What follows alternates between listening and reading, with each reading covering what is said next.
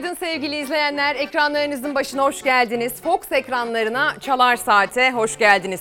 Güzel bir cuma sabahından sesleniyoruz size. Bugün takvim yaprakları 30 Ekim'i gösteriyor. Güzel bir 29 Ekim'i geride bıraktık. Ben Ezgi Gözeger. Küçük bir sürprizle karşınızdayız. Çalar Saat kaldığı yerden gündemin nabzını tutmaya devam edecek. Hemen muhtemel bir sorunun cevabını peşin peşin verelim. İsmail Küçükkaya nerede, neden yok? Öncelikle endişelenmeyin kendisi gayet iyi ama tedbir amaçlı bir test yaptırdı. Biliyorsunuz bir süreçten geçiyoruz. Her gün çember daraldı haberleri yapıyoruz. İşte çember e, bizim için de biraz daraldı ama neyse ki sadece tedbir amaçlı bir test söz konusu. E, Kendisi yokken olabildiğince konumunu e, bulunduğumuz yeri doldurmaya gayret edeceğiz. Kendisi de muhtemelen pazartesiden itibaren burada olacaktır diye düşünüyoruz diyelim. Gündemden bahsedeceğiz. Gündemde ne var, ne öne çıkıyor diye soracak olursanız tabii ki 29 Ekim'in gündemi öne çıkıyor. 29 Ekim'in gündeminde kutlamalar var. 29 Ekim'in gündeminde tüylerimizi diken diken eden etkinlikler var. 29 Ekim'in gündeminde aslında koronavirüs de var, siyaset de var, polemik de var. Ee, ancak Cumhuriyet'in anlamını hatırlamak için güzel bir fırsat. Belki de milli bayramlar arasında en güzeli diyebileceğimiz Cumhuriyetimizin e, bayramını, doğum gününü tabii ki es geçmeyeceğiz. Biz bir gün sonrasında yine Cumhuriyet demeye devam edelim dedik. Bizim için Cumhuriyet başlığıyla karşınıza çıktık. Siz de sosyal medya üzerinden bu başlığın altını gönlünüzce doldurabilirsiniz. Ee, yorum, eleştiri, gündeme katkı, kendinizden haberler hepsi bizim için kıymetli. Biliyorsunuz vakit buldukça okumaya gayret ediyoruz. Dedik ya Cumhuriyet'in gündemine yani günün gündemine bakıldığında Cumhuriyet Bayramı'nın gündeminin çok yoğunlukla karşımıza çıktığını görüyoruz. Ve bazı etkinlikler var ki tüyleri diken diken ediyor. Biliyorsunuz dün saat tam 19.23'te 1923'e atfen bir İstiklal Marşı okuduk hep beraber. Ee, İstanbul metrosundan görüntüler gerçekten e, gözlerinizi bile yaşartabilir.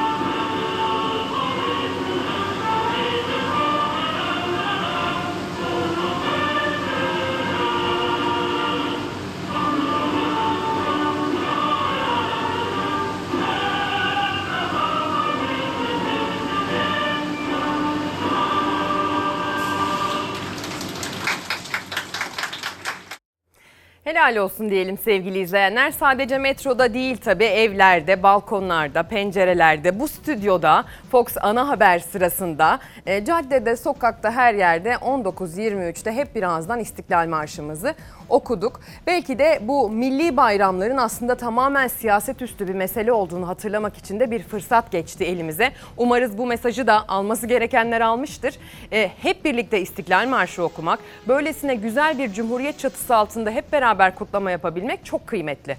Hele ki Türkiye'nin son dönemine baktığımızda çok daha kıymetli.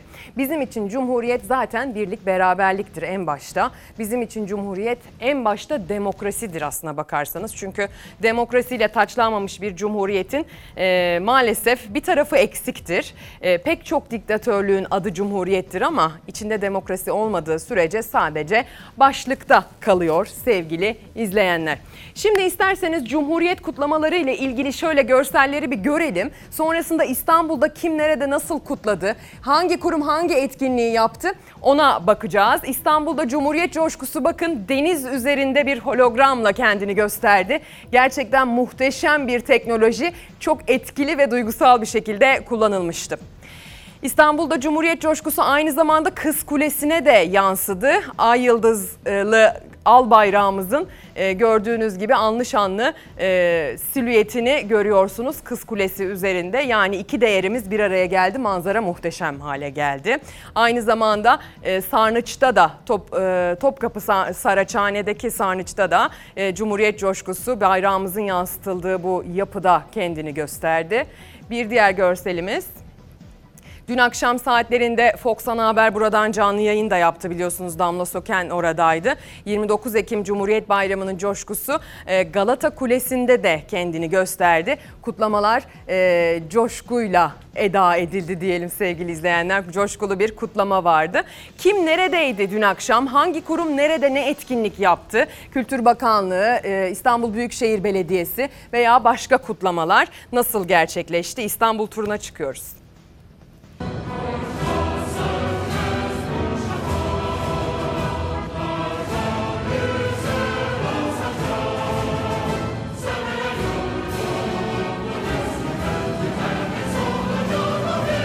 Pandemi günlerinin yaşattığı kasvetli havada engelleyemedi. Cumhuriyet'in 97. yılı tüm yurtta olduğu gibi İstanbul'da da coşku ve heyecanla kutlandı. İstanbul Büyükşehir Belediyesi'nin 29 Ekim programının yarattığı atmosfer unutulmaz anlar yaşattı. Egemenlik kayıtsız şartsız milletindir. Türk bayrağı İstanbul'un tarihi yapılarında dalgalandırıldı. İstiklal Marşı şehrin tüm sokaklarına, caddelerine yayıldı. Işık şovlarıyla kırmızı beyaza büründü İstanbul. Bir tarih böyle renklendikçe kalpler Cumhuriyet'in coşkusuyla doldu taştı. Türkiye'nin dört bir köşesinde eşitlik, özgürlük ve adalet bir nefes kadar yakın olana dek çalışacağız. Söz verdik. Cumhuriyet daha güçlü bir demokrasiyle taçlanana kadar yorulmayacağız. Konvoy oluşturdular, bayrağımızı ahenkle dalgalandırdılar. İstanbul Maltepe'de motosikletli konvoy sahil şeridi boyunca renkli görüntüler oluşturdu. Toplanma yeri Maltepe Meydanı'ydı. Bando takımının çaldığı marşlara vatandaşlar Türk bayraklarını dalgalandırarak eşlik etti.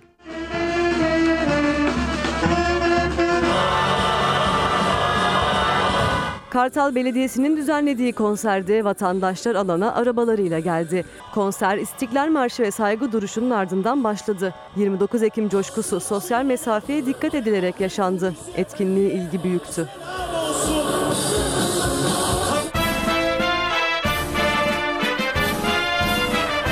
İstanbul Başakşehir'de erken saatlerde Muhsin Ertuğrul Sanat Merkezi'nde düzenlenen törenle başladı etkinlikler.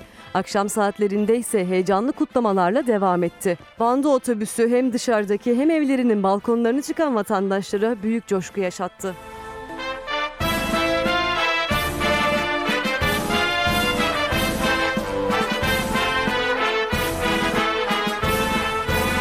Cumhuriyetimizin 97. yıl coşkusu İstanbul Boğazı'nda da yaşandı. Derinlere saygı dalışı topluluğu Atatürk'ün resmini ve Türk bayrağını su altında ve su üstünde açarak onları izleyen vatandaşlara unutulmaz anlar yaşattı. Bir boya firması Cumhuriyetimizin 97. yılı için özenli bir çalışma hayatı geçirdi. Atatürk'ün 10. yıl nutkundaki görüntüleri böyle renklendirildi. Sevgili izleyenler gerek yurtta gerek İstanbul'da gerekse e, yurt dışında 29 Ekim aslına bakarsanız coşkuyla kutlandı. Ama daha çok evlerin içinde dört duvar arasında ya da sıkı tedbirler alınarak e, yapılan etkinliklerde kutlandı. Neden bir araya gelemiyoruz? Tabii ki pandemi yüzünden. İlerleyen dakikalarda İstanbul'daki kutlamalara baktığımız gibi İstanbul'un salgın açısından içinde bulunduğu e, o vahim durumu da ekrana getireceğiz ama hadi gelin yazılı basım e, 29 Ekim'in ertesi sabahında bu kutlama coşkusunu nasıl görmüş? Şöyle bir genel tarama yapalım. Hangi gazeteyle başlayalım? Hürriyet gazetesiyle. Hürriyet gazetesi manşetten işte Cumhuriyet budur diyor 30 Ekim sabahında. Çoban Ahmet'in torunu hakim oldu. Hakim Mehmet Akif Dursun'un paylaşımı Cumhuriyet nedir sorusuna en güzel yanıtlardan biri oldu diyor. Dedesinin kanıyla çekilmiş fotoğrafını paylaşan Dursun şu yorumu yaptı. Aşiyan dağlarında çobanlık yapan yapan Ahmet Dursun'un torunu Mehmet Akif Dursun'un İstanbul Adalet Sarayı'nda hakim olmasını sağlayan rejime Cumhuriyet denir. Dursun'un bir başka paylaşımında da Atatürk'e duyduğu minneti anlatıldı deniyor. Modern, demokratik, eşitlikçi Türk Cumhuriyeti'ni kuran, başta Ulu Önder ve Edebi Başkomutan, Ebedi Başkomutan Gazi Mustafa Kemal Atatürk ve silah arkadaşlarına ve bugüne kadar yaşatılmasında emeği geçen herkese saygı, minnet ve şükranla dedi Hakim Dursun ve bu paylaşımı binlerce beğeni, yüzlerce yorum aldı deniyor. Aynı zamanda kutlamalardan, Anıtkabir'den, e, anmalardan da detaylar aktarılmış. Yine manşetin altında ortak değerimiz denmiş Hürriyet'in sür manşetinde ve altta şu detaylar var. Cumhuriyet emanettir e, başlığı altında Ankara'daki ilk bayram töreni maskeli ve mesafeli bir şekilde Anıtkabir'de yapıldı deniyor. Törene Cumhurbaşkanı Erdoğan'la bir, e, birlikte Kılıçdaroğlu, Bahçeli ve Akşener de katıldı. Erdoğan Anıtkabir özel defterine bize emanetleriniz olan Cumhuriyeti ileriye taşımak hedefleri ve hayalleriyle buluşturmak için var gücümüzle çalışıyoruz diye yazdı. Biricik Meclis Teki kutlamaya da katılan Kılıçdaroğlu Cumhuriyet en büyük devrimimizdir dedi deniyor. Hürriyet gazetesi genel hatlarıyla dünü 29 Ekim bayramının coşkusunu bu şekilde manşetine taşımış. İlk sayfadan da hatırı sayılır ölçüde büyüklükte bir yer vermiş. Sözcü gazetesine bakıldığında yine manşette logonun altında görüyoruz. Devlet millet atanın huzurunda başlığı altında detaylandırılmış haber. Fotoğrafın da içi e, bir şekilde isimlerle detaylandırılmış görüyorsunuz ki devlet erkanının orada bulunduğunu e, vurguluyor Sözcü gazetesinin editörleri. Meral Akşener, Devlet Bahçeli, Kemal Kılıçdaroğlu, Cumhurbaşkanı Erdoğan çember içine alınarak fotoğrafta konum olarak belirtilmiş. Ulu Önder Atatürk'ün kurduğu Cumhuriyet'in 97. yıl dönümü hem devlet erkanı hem de 7'den 70'e vatandaşların katılımıyla kutlandı. Devletin zirvesi Anıtkabir'e giderek şükranlarını sundu deniyor. Anıtkabir'i ziyaret eden vatandaşlar sosyal mesafe kuralına uyarak içeriye alındı. Erdoğan ve muhalefet liderleri sabah Anıtkabir'i ziyaret etti. Daha sonra Erdoğan sarayda 29 Ekim tebriklerini kabul etti. İki meclis arasında tören yürüyüşü yapıldı. Resmi törenler pandemi nedeniyle istenen düzeyde olmasa da 83 milyon bayramı coşkuyla kutlamanın yolunu buldu. Türkiye'nin her yeri kırmızı beyaza büründü diyor. Sözcü gazetesi 29 Ekim coşkusunu bu bilgilerle detaylandırmış. Hadi gelin bir diğer gazete Sabah'a bakalım. Sabah gazetesi coşkuyu manşetten olmasa da genişçe bir yer vererek sür manşetten ve yansıtından görmüş. Büyük coşku e, başlığı atılmış habere. 83 milyon kenetlendi. Cumhuriyet sevgisi sokaklara taştı diyor Sabah gazetesinin editörleri. Tüm yurtta heyecan ve sevgi vardı diyor ki ilerleyen dakikalarda yurttan o heyecan ve cumhuriyet sevgisinin detaylarını ekrana da taşıyacağız. En büyük gücümüz tarihi mirasımız başlığının altındaysa Başkan Erdoğan Cumhuriyet'in yıl dönümünde dünyaya önemli mesajlar verdi denmiş ve Anıtkabir özel defterine yazdığı e, yazıdan detaylar aktarılmış. Bir diğer gazetemize de bakalım mı? Cumhuriyet Gazetesi'ne bakalım. Bakalım Cumhuriyet Gazetesi Cumhuriyet Bayramı'nda ne demiş? Yolumuz Cumhuriyet demiş. Atatürk'ün en büyük emanetine yurttaşlar gururla, gururla, coşkuyla sahip çıktı. 7'den 70'e bayram diyor Cumhuriyet'in editörleri. Barışçı, çağdaş ve özgür bir ülkenin temelini atan Cumhuriyet'in 97. yılı ülkenin dört bir köşesinde ilk günkü heyecan ve gururla kutlandı. İktidarın yasaklama çabasına karşın toplumun her kesiminden yurttaş, ellerinde bayraklar, dillerinde özgürlük marşlarıyla Atatürk'ün emanetine sahip çıktı.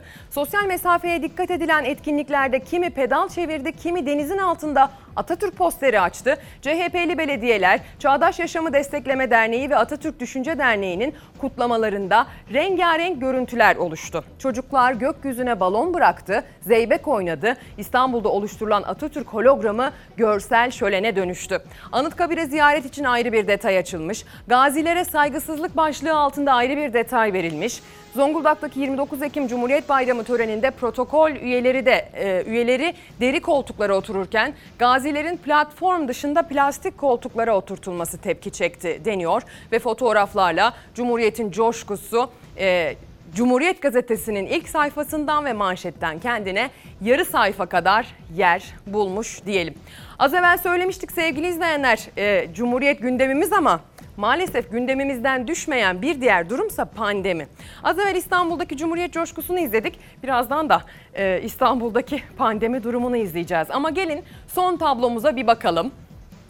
Dün akşam ana haber sırasında haberlerimiz hazırlanırken ha- ana haber öncesinde sırasında bu tablo e, anca gelmiş oluyor ya da bazen gelmemiş oluyor. O yüzden sabah erken saatte Fox izleyicisine muhakkak tabloyu vermeye gayret ediyoruz. Bugün test sayısı diyor yani 29 Ekim'in aslında dünün bilançosunu ortaya koyuyor.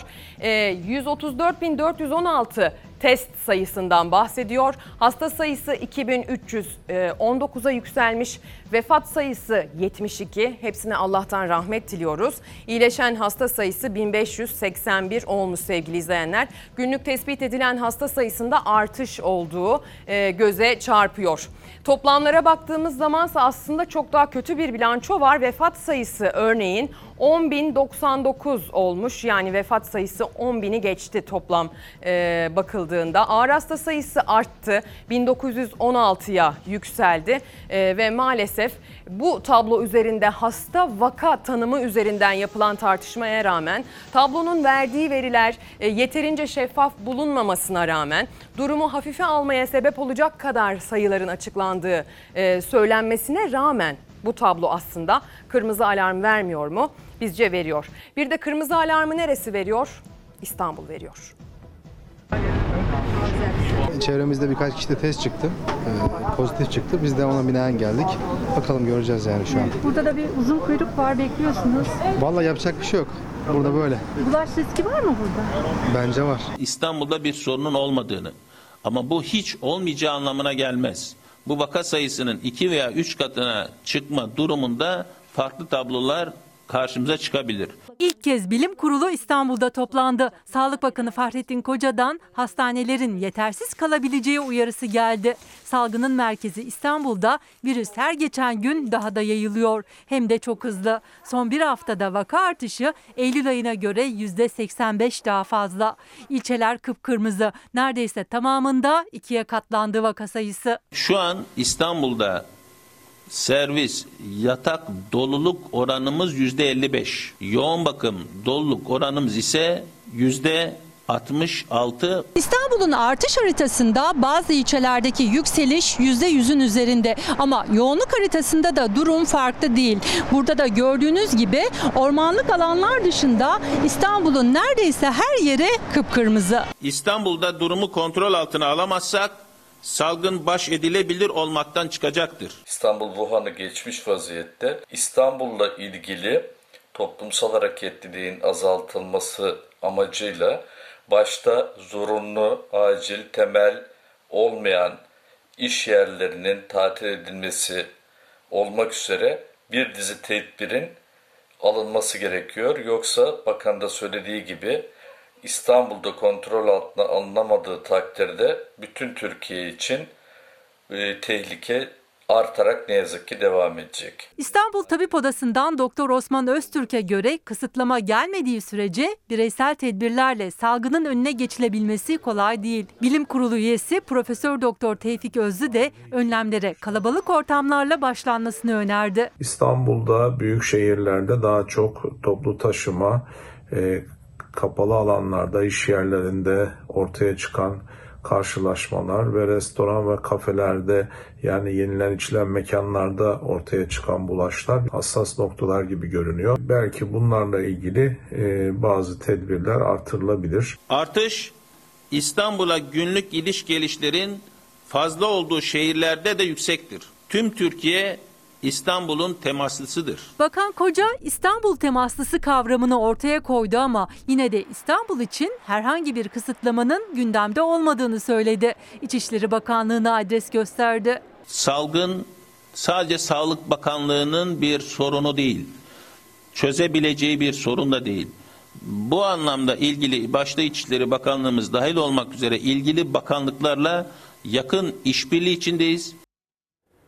İstanbul temaslısı kavramını gerek kişi bazında gerekse şehirler bazında sıraladı Sağlık Bakanı Fahrettin Koca. Dün sabah da yine biz bu ekrandan detaylı olarak Sağlık Bakanı'nın neredeyse söylediği e, hemen hemen her şeyi ekrana parça parça taşıdık. Ve söylediği bir şey İstanbul'da yaşayan ve sevdikleri için endişelenen bir vatandaş olarak beni çok endişelendirdi. Çok korkuttu. E, artık dedi bir kişi üç kişiye, üç kişi de dolayısıyla dokuz kişiye bulaştırıyor. Yani e, bu aslında salgında geldiğimiz boyutu gösteriyor. Bu aslında uzmanların e, salgının yayılım hızıyla ilgili verdiği e, rakamsal bir ölçüyü de ifade ediyor. Hani bir kişi bir kişiye bulaştırdığı zaman salgın kontrol altında bir kişi bir kişinin altındaki kişiye yani işte bu oransal rakam 0 virgül şeklinde bir e, durumla başlıyorsa birden aşağı düştüyse o zaman salgın geriliyor deniyor ya. Yani bir kişinin 3 kişiye bulaştırdığını biz ben Hatırlamıyorum yani Nisan'dan Mayıs'tan itibaren de aslında duymadık. Ee, dünyada da durum buna çok benzer.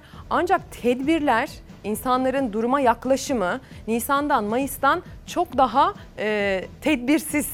E, yani tabirimi affedin ama çok gevşek davranıyoruz. Öyle görünüyor. Ee, biraz sıkılaştırmamız lazım sanki tedbir anlamındaki e, durumumuzu. Hürriyet gazetesinden bir diğer başlık Fransa'da DH kafası hortladı diyor.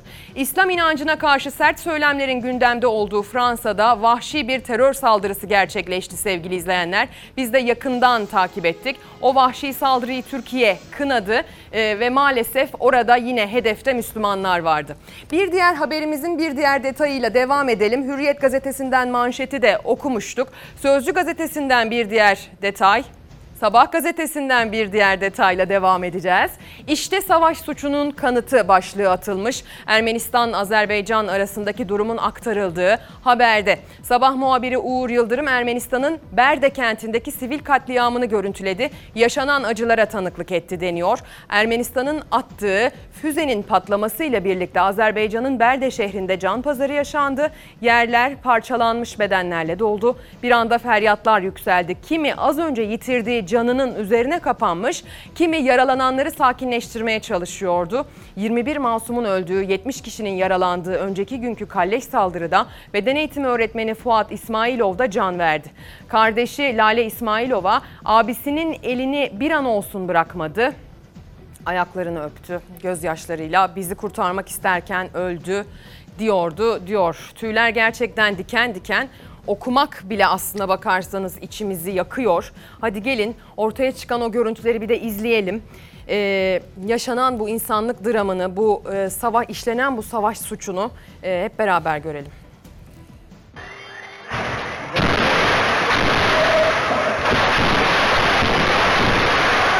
Ermenistan masum sivilleri böyle hedef aldı. Rusya Devlet Başkanı Putin, Karadağ için yapılacak barış görüşmelerine Türkiye'de katılmalı mesajı verdi.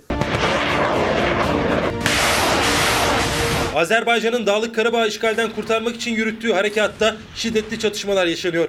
Azerbaycan ordusu Hocavent, Fuzuli ve Kubadlı'da Ermenistan'a ağır kayıplar verdirdi. Tanklar, füze sistemleri ve karakolları imha etti. Ermenistan'ın 1. Ordu Komutan Yardımcısının da saldırılarda öldüğü ortaya çıktı. Azerbaycan Ermenistan'a ait 2 Su-25 uçağını düşürdü. Ermenistan'ın Berde şehir merkezine saldırısında hayatını kaybedenler gözyaşlarıyla son yolculuklarına uğurlandı. Saldırının dehşeti bir mağazanın güvenlik kamerasına yansıdı. Füzelerin caddeye düşmesiyle halkın canını kurtarmak için mağazalara sığındığı görüldü. Artık bu işe Kafkaslar'da gelin bir son verin. İstersen bu işi birlikte çözeriz. Karabağ'da ateşkes için çabalar da hız kazandı. Cumhurbaşkanı Erdoğan'ın Rusya Devlet Başkanı Vladimir Putin'e Karabağ için çözüme yönelik talebine yanıt geldi. Putin, Karabağ sorununun çözümüne ilişkin görüşmelere Türkiye dahil birçok ülkenin katılması gerektiğini söyledi. Rus lider 5 artı 2 bölgenin Azerbaycan'ı devir olasılığı konuşulmalı dedi. Çözümün kolay olmayacağını, düğümün çok karışık olduğunu dile getirdi. Sevgili izleyenler tabii ki Cumhuriyet Bayramı'ndan geriye kalan gündeme baktığımızda az evvel de söyledik ya bu işin siyaseti de e, gündeme geldi. Yani siyasilerin bayrama yaklaşımı, siyasilerin sözlerinde ya da yazıya döktükleri metinlerde kelime seçimleri tartışma konusuna sebep oldu. Özellikle Cumhurbaşkanı Erdoğan'ın Anıtkabir'e anı defterine yazdığı metinde seçtiği kelimeler CHP'nin hedefindeydi. Onunla ilgili bir habere gideceğiz ama Cumhuriyet Gazetesi'nden bir başka haberle devam edelim. Yine aslında konuyla alakalı Kılıçdaroğlu'ndan Erdoğan'a gel bana da meydan oku şeklindeki sözler bugün başlığa taşınmış Cumhuriyet Gazetesi'nde. Kılıçdaroğlu Erdoğan'ın Fransız ürünlerine boykot çağrısına ilişkin önce boykotu siz yapacaksınız. Halkın Fransız malı alacak parası mı var? Eşimle değil benimle konuş diyor. Senle konuşmaya hazırım. Dünyaya meydan okuyorsan e bir de bana meydan oku dedi diyor. Kılıçdaroğlu'nun bu sözlerini biz ekrana taşıyacağız. Biliyorsunuz Kılıçdaroğlu aslında bu çağrıyı e, yıllardır diyebileceğimiz bir süredir yapıyor. Hadi gel istediğin kanalda karşılıklı bir açık oturum yapalım. Konuşalım, millet sorsun biz cevaplayalım şeklinde. Yine bu polemiğin vardığı nokta da o oldu. Ee, bir yanıt gelir mi? Gelen yanıt ne olur? Aş- aşağı yukarı tahmin etsek de bekleyişteyiz. Bir diğer polemik ise az evvel söylediğim gibi Cumhurbaşkanı Erdoğan'ın Anıtkabir'deki anı defterine e, yazdığı metinle alakalıydı. O metinde Cumhurbaşkanı Erdoğan tek partili CHP iktidarı döneminden bahsederken dikta kelimesini kullandı. Tabii ki CHP'den yanıt gecikmedi. Türkiye demokrasi ve kalkınma mücadelesini tek parti diktasından Tek parti dönemi. Ya senin dönemin ne o arkadaş? 20 Temmuz sivil darbesi dönemi yaşıyor muyuz? Yaşıyoruz. Cumhurbaşkanı Erdoğan tek parti dönemine yönelik dikta ifadesi CHP liderini öfkelendirdi. Gazeteci hapse atıyor musun? Atıyorsun. Twitter'dan seni eleştiren bir yazı çıktığı zaman sabahın köründe polisler basıyor mu? Basıyor. Ya bir darbe dönemi yaşıyoruz. Cumhurbaşkanı Erdoğan 29 Ekim Cumhuriyet Bayramı mesajında demokrasi ve kalkınma mücadelesinin önündeki engeller diyerek kurduğu cümlede tek parti dönemini de saydı. Dikta dedi. Türkiye demokrasi ve kalkınma mücadelesini tek parti diktasından darbelere, vesayetin tasallutundan terörle mücadeleye kadar birçok engeli aşarak sürdürmüş bir ülkedir. O dönem tarihin altın sayfaları dönemidir. Ve dönemin en güçlü insanı seçimi kaybettiği zaman da yürüyerek Çankaya'dan evine gelmiştir. Ve şunu söylemiştir. Bu yenilgi benim için en büyük zaferdir. Çünkü ben bu ülkeye demokrasiyi getirdim. Şimdi demokrasi var mı bizim ülkede? CHP lideri Erdoğan'ın tek parti dediği dönemin demokrasinin kapısını açtığını söyledi. Bugün Türkiye'de demokrasi yok dedi ve erken seçim çağrısını yineledi. Hakimiyet bila kaydu şart milletin olacaksa milletten korkmamak lazım. Milletin oyuna başvurmaktan korkmamak lazım. Sevgili izleyenler, dün akşam saatlerinde Fox ana haberde yayınlanan ve müthiş bir habercilik başarısı olan bir haber var sırada. Özel bir haberimiz var aslına bakarsanız. Bu haberi biraz daha dikkatle izlemek gerektiğini de düşünüyorum. Ee, ve haberin altında imzası olan tüm ekip arkadaşlarıma da sevgi selam gönderiyorum. Tebrik ediyorum.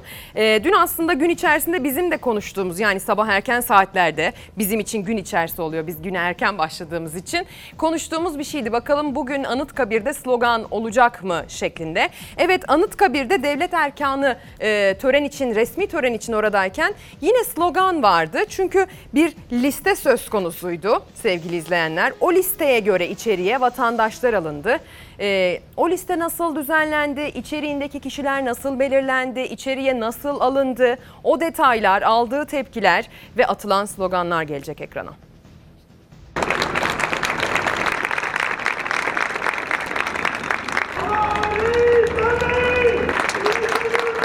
Yine Anıtkabir'deki törende Cumhurbaşkanı Erdoğan'a sloganlar alkışlar yükseldi. O sloganları atan sivillerin Anıtkabir'e girişi.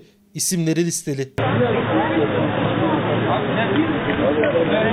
15 Temmuz sonrası Anıtkabir'de tören protokolü değişti. Artık siviller de alınıyor içeri. 29 Ekim, 30 Ağustos ve 10 Kasım'da da. Her törende Cumhurbaşkanı Erdoğan'a tezahüratlar yükseliyor.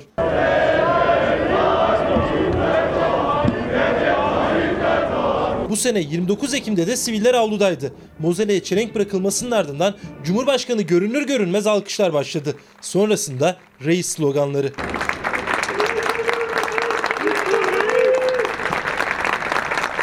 Anıtkabir'e gidiyorsun, yandaşları topluyorsun beni alkışlayın diye. Muhalefet yaşananların organize olduğunu dillendiriyordu.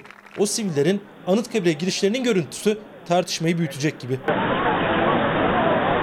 İşte 29 Ekim sabahı Anıtkabir girişi. Devlet töreninde sivillere ayrılan yere kimlerin alınacağı önceden belli. Cumhurbaşkanlığı korumasının elinde bir liste var. O listede ismi olanlar alınıyor sadece.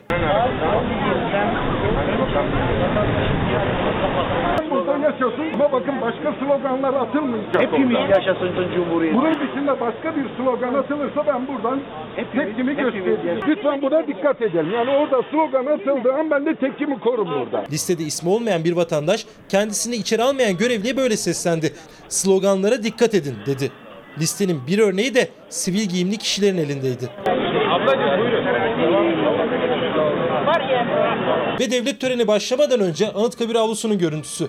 Listede ismi olup içeri girenlerin nerede duracağını, nasıl hareket edeceğini anlatan kişi, az önce elinde listeyle Anıtkabir kapısında bekleyen kişi. Tören başladı. Erdoğan'a kalabalıktan sloganlar, alkışlar yükseldi.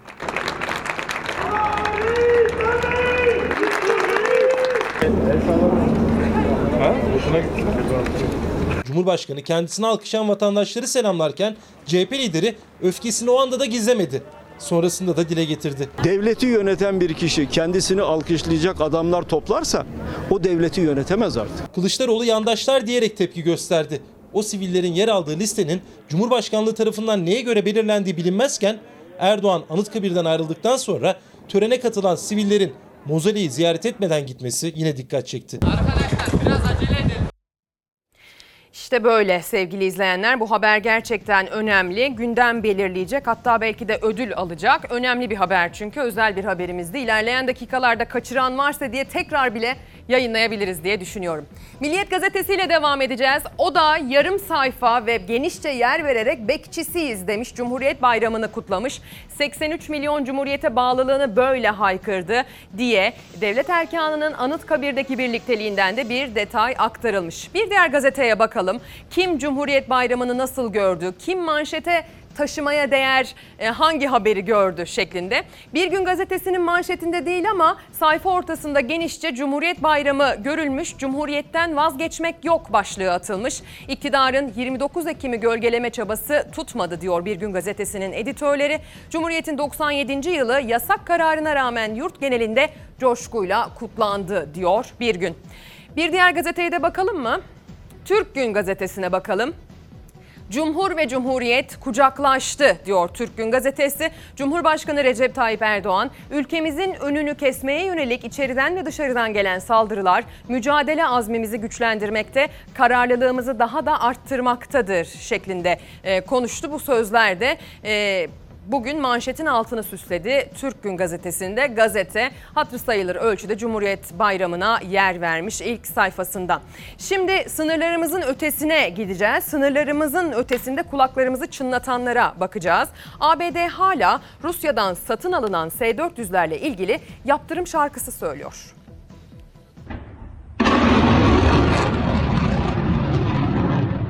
Bu testler doğrudur. Yapıldı, yapılıyor. Türkiye Rusya'dan satın aldığı S-400'leri test etti. Amerika Birleşik Devletleri endişelendi. Amerika Birleşik Devletleri Dışişleri Bakanlığı Müsteşar Yardımcısı küstah yaptırım tehditlerine devam etti. Yaptırımların masada olduğunu söyledi. Kesin olarak düşünüyoruz dedi. Bunu da biz kalkıp Amerika'ya soracak değiliz. Amerika'nın bu yaklaşımı kesinlikle bizi bağlamaz. NATO müttefiklerinden hava savunma sistemi satın alamayan Ankara çareyi Rus S-400'lerinde buldu. 2019 yılının Temmuz ayında Türkiye'ye gelen S-400'ler geçtiğimiz haftalarda test edildi. Burada Rusya'ya ait bir silah olması demek ki bu beyefendileri rahatsız ediyor. Biz kararlıyız. Yolumuza da aynı şekilde devam ediyoruz. Washington'ın hadsiz tehditlerine rağmen Türkiye parasıyla satın aldığı S-400'leri denedi. Test Amerika Birleşik Devletleri'ni rahatsız etti. Önce Pentagon testlerin kırandığını açıkladı. Şimdi de Amerikan Dışişleri Bakanlığı'ndan bir açıklama geldi. Amerikan Dışişleri Bakanlığı siyasi ve askeri işlerden sorumlu müsteşar yardımcısı Clark Cooper, Türkiye'ye olası yaptırımların masada olduğunu söyledi. Yaptırımlar kesinlikle düşünülüyor dedi. Müsteşar yardımcısı Ankara'yı S-400'lerden vazgeçme çabalarının sürdüğünü belirtti. Washington'ın Türkiye ile bir kopuştan kaşınmaya çalıştığını vurguladı. Türkiye'yi dışlamak Rusya dışında kimsenin yararına olmaz yorumunu yaptı. Sevgili izleyenler, Cumhuriyet coşkusunu devam ettirdiğimiz bir yayının içerisindeyiz. 29 Ekim'den 30 Ekim'e yansıyanlar zaten çoğunlukla Cumhuriyet'in coşkusuyla ilgili. Bir de tabii ki ufak tefek tartışmalar da eksik olmuyor gündeme bakıldığında. Bizim için Cumhuriyet başlığıyla bugün karşınıza çıktık. Bu sabahın adı bu olsun dedik. Siz de bu başlığın altını doldurun istedik Twitter ve Instagram'dan. Baktım az evvel hesaplara evet mesajlar gelmeye başlamış ama daha detaylı bakabilmek isterim. Dolayısıyla sizden bir ara rica edeceğim. Ama araya gitmeden önce ne yapalım biliyor musunuz? Atatürk'ü sanki canlıymış gibi izleyelim. Atatürk'ün sesini duyalım. Ne söylediğini anlamaya çalışalım. Baktığı yöne bakmaya çalışalım hadi birlikte. Bugün Cumhuriyetimizin 10. yılını doldurduğu en büyük bayramdır. Kutlu olsun.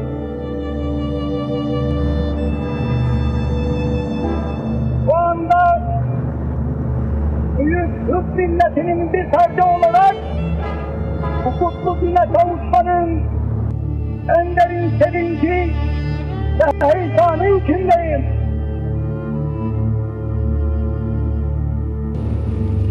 Yurttaşlarım, az zamanda çok ve büyük işler yaptık. İşlerin en büyük temeli Türk kahramanlığı ve yüksek Türk kültürü olan Türkiye Cumhuriyeti'dir.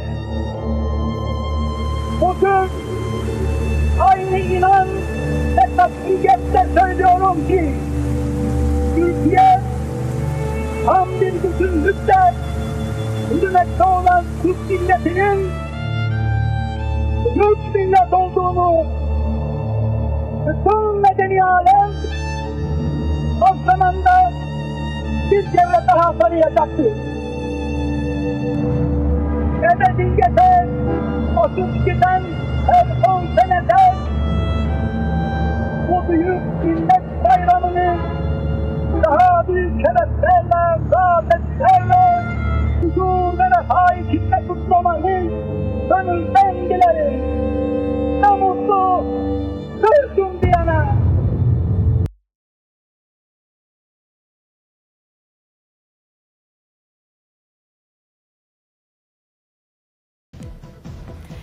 Tekrar günaydın sevgili izleyenler. Bir kez daha hoş geldiniz Fox ekranlarına Çalar Saate. Güzel bir cuma sabahından sesimizin, görüntümüzün ulaştığı her yere günaydın dileklerini iletmeye bıkmadan, usanmadan devam ediyoruz. Gününüze biraz aydınlık katabilirsek ne mutlu bize. Bizim için Cumhuriyet başlığıyla karşınıza çıktık. Bizim için Cumhuriyet başlığının altına attığınız mesajlar da gerçekten çok anlamlı ve güzel. Ancak baktığım zaman mesajlarda İsmail Küçükkaya nerede sorusu da hatırı sayılır ölçüde gelmiş. Aslında izleyicilerimiz mesajlar üzerinden birbirine cevap da vermiş ama ben tekrar edeyim. İsmail Küçükkaya içinde bulunduğumuz pandemi sürecinin gerektirdiği durumlar e, yüzünden e, test yaptırmak zorunda kaldı. Etik olarak tedbir amaçlı bugün gelmedi ancak kendisi gayet iyi endişelenecek bir durum yok. Başlığımızın altına gelen mesajlar Cumhuriyet ruhuyla yazılan yazılarsa şöyle. Sami Öz göndermiş. Gericilere, Atatürk düşmanlarına, Cumhuriyeti çekemeyenlere inat. Bu bayram işte bu şekilde kutlanır. Gurur duydum demiş. Yaşasın Cumhuriyet gençliği, yaşasın Atatürk ve ilkelerine saygı duyan, duyan Türk milleti diyor. Ee, Kemal Yılmaz ya da belki de Kamil Yılmaz. Sadece sesli harfleri kullanmış çünkü. Günaydın demiş İzmir Ödemiş'ten selam iletmiş. Ee, ve bize yayınımızla ilgili başarı dileklerini iletmiş. Çok çok teşekkür ediyoruz diyelim. Büyük Cumhuriyet konserine gidelim mi? Biz de 29 Ekim'in yankılarını muhteşem bir konserle devam ettirmek niyetindeyiz. Cumhuriyet'in 97. yıl dönümü güzel doğum günü için e, Cumhurbaşkanlığı Senfoni Orkestrası görkemli bir konser ortaya koydu.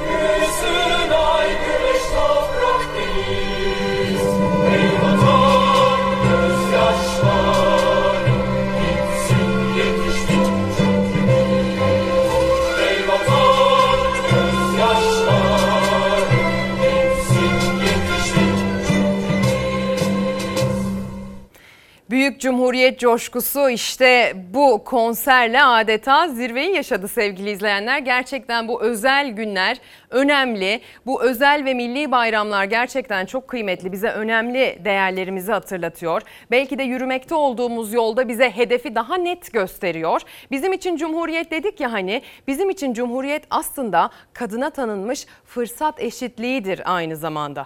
Dünkü yazısında e, gazeteci, meslek büyüğümüz Murat Yetkin konuyla ilgili bir e, yazı yazmış. Yani kadınlardan ele almış konuyu. Cumhuriyet Bayramı en çok kadınlara kutlu olsun demiş hatta yazının başlığında da.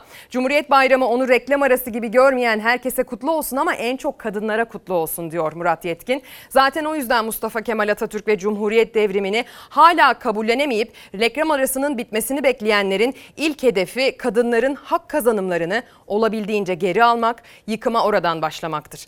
Çünkü 29 Ekim Cumhuriyet Bayramı'nın en çok kadınların bayramı olması gerektiğinin en çok farkında olanlar kadını hala erkeğin kölesi konumunda görmek isteyenlerdir. Bugün kadına şiddete karşı İstanbul Sözleşmesi'nden çekilmesi için, boşanan kadına nafaka verilmemesi için çabalayan kadın düşmanı gerici yaklaşımlarda aynı kafayı görebiliyoruz. Cumhuriyet devrimiyle gelen reformların adı konulmamış en önemlisi kadına mahkemelerde, eğitimde, siyasette erkeklerle eşit haklar verilmesidir.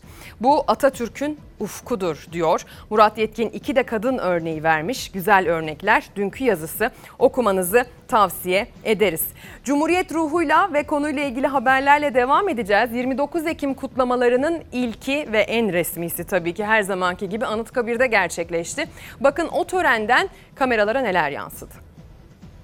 Ülkemizin önünü kesmeye yönelik içeriden ve dışarıdan gelen saldırılar mücadele azmimizi güçlendirmekte, kararlılığımızı daha da artırmaktadır. Anıtkabir özel defterine düştüğü notta iç ve dış saldırı vurgusu dikkat çekti. Cumhurbaşkanı Erdoğan'ın Bahçeli ile sohbeti dışında liderlerin en küçük bir temasını kameralar kaydedemedi. Cumhuriyet'in kuruluşunun 97. yıl dönümü kutlamalarında ilk adres Anıtkabir'di. Liderlerin de aynı karede olduğu tek tören. Cumhurbaşkanı Kılıçdaroğlu, Akşener ve Bahçeli. Mozeleye çelenk konulmasının ardından bir sonraki durak Misak-ı Milli Kulesi'ydi. Bize emanetiniz olan Cumhuriyeti ileriye taşımak, hedefleri ve hayalleriyle buluşturmak için çalışıyoruz. Türkiye bugün demokrasiden özgürlüklere, savunmadan ekonomiye, sağlıktan dış politikaya kadar her alanda başarıdan başarıya koşmaktadır. Anıtkabir özel defterini imzalayan Cumhurbaşkanı Erdoğan kendisini Misak-ı Milli Kulesi önünde bekleyen MHP lideri Bahçeli ile de bir süre sohbet etti. Milliyetçi Hareket Partisi Genel Başkanı. 29 Ekim kutlamaları Beştepe'de tebrikleri kabul töreniyle devam etti. Yine koronavirüs tedbirleri kapsamında mesafeli. Akşener ve Kılıçdaroğlu yoktu o törende. CHP lideri aynı dakikalarda Cumhuriyet'in ilan edildiği birinci meclisteydi. 97 yıl önce bu binada alkışlar vardı, gözyaşları vardı, kucaklaşmalar vardı. Cumhuriyetin ilanı bizim en büyük devrimimizdir. Cumhuriyetimizi demokrasiyle taşlandırmak zorundayız. Türkiye Büyük Millet Meclisi'nden birinci meclise geçit töreni de düzenlendi. Cumhurbaşkanlığı Millet Kütüphanesi'nde Milli Mücadele sergisini de açtı Erdoğan. Atatürk demek vatan demektir, cumhuriyet ve bağımsızlık demektir deniyor ve cumhuriyet kadını vurgusuyla bana gönderilmiş mesajlar var. Emel Görgül göndermiş. Çok teşekkür ederim, çok gurur duydum. Günaydın mesajları var. Anıtkabir'de atılan sloganlarla ilgili bir izleyicimiz İrem Kaya Aydemir çok sinirliyim gerçekten diye bir mesaj göndermiş. Bu nasıl bir saygısızlıktır? İlerleyen dakikalarda o haberi tekrar veririz eğer kaçırdıysanız çünkü bir gazetecilik başarısı söz konusu. Kendimize övmek istemiyoruz ama durumu gerçekten e, ortaya koymak gerektiğini düşünüyoruz. Belki de onu tekrar vermek gerekir diyelim. Kutlamalara bakacağız. Sadece biz bakmıyoruz. Gazeteler de yurt genelinde, Anıtkabir'de, yurdun pek çok köşesindeki kutlamalara bakmış bugün. Posta gazetesi de manşetten görmüş. Size emanet demiş ve pek çok çocuğun güzel fotoğrafıyla e, manşeti renklendirmiş. Ancak çocukların yüzündeki maskeler onlara hiç yakışmıyor değil mi? En çok çocuklara yakışmıyor galiba. Size emanet manşetinin altı şöyle. Cumhuriyetimizin kuruluşunun 97. yıl dönümünü pandemi gölgesinde de olsa gururla kutladık. Ellerinde bayraklarla meydanlara Anıtkabir'e koşan çocuklar hangi şartlar altında olursa olsun bu en büyük bayramı her zaman coşkuyla kutlayacaklarını bir kez daha gösterdi deniyor. Belki de çocuklara verilecek mesaj çok kıymetli sevgili izleyenler. Bu bayramlar çocuklara verilecek mesajlar açısından da belki bir fırsat diye düşünülmeli. Hadi gelin o coşkulu kutlama için biz de Anıtkabir'e gidelim. Herkes atasına nasıl koşmuş görelim. Bir teşekkür etmeden dönmek yok. Cumhuriyet hepimizin cumhuriyeti. Emaneti bizde. Yaşasın Türk Cumhuriyeti. Ne mutlu Türk'üm diyene. Çok coşkuluyuz. Atatürk önderimiz. Işıklı izindeyiz. Mutluyuz, sevinçliyiz. Yaşasın Cumhuriyet. 7'den 70'e dillerde Cumhuriyet ve Atatürk vardı. Şükran, minnet, gurur, özlem tüm duygularını iletmek, Cumhuriyet coşkusunu yaşamak isteyenlerin ortak adresiydi Anıtkabir. Ben atamızın ölüm döşeğindeyken kurtardığı Hatay İskenderun'dan geliyorum. Bir kadın olarak gurur duyuyorum. 29 Ekim bağımsızlık, cumhuriyet, her şey. Atatürk yoktu. Düşman çoktu. Atatürk geldi. Düşmanı yendi. Ankara'dan, İstanbul'dan, Hatay'dan, Türkiye'nin dört bir yanından geldi vatandaşlar Anıtkabir'e. Pandemiye rağmen geçmiş senelerdeki heyecanla. Pandemi her yerde var. AVM'de de var, düğünlerde de var.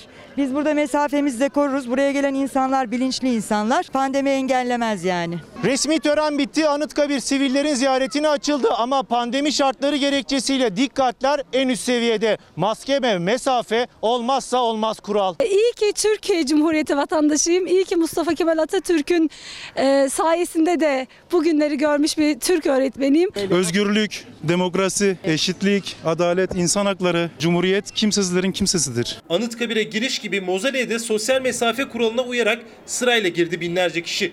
Cumhuriyet'in kurucusuna dualar edildi. Cumhuriyet'in 97. yılı da her sene olduğu gibi yine en güzel Anıtkabir'de kutlandı. Sevgili izleyenler işte bir millet atasına böyle koştu. Pandemi bir araya gelmemizi engelledi. Pandemi maalesef aramızdaki mesafeyi mecburen açıyor. Ee, ama tabii ki coşku yürekte olunca e, hiçbir şey engel olamıyor o Cumhuriyet coşkusunu, o en güzel bayramın coşkusunu yaşamaya. Cumhuriyet gazetesinden başkaca detaylarla devam edelim. Yaylaya çim ekelim başlığı atılmış. Bakın haberin detayında ne var? Rize'de yaylaların bitki örtüsünü katledenlerden tahribata skandal çözüm. Karadeniz'in eşsiz yaylalarında yol yapımına onay vererek endemik bitki örtüsünü yok eden Rize İl Özel İdaresi doğal yapıyı değiştiren görüntüler oluşturduğunu kabul etti. Doğanın eski haline dönmesinin yıllar alacağını belirten idare yaylaları çimlendirmeye karar verdi.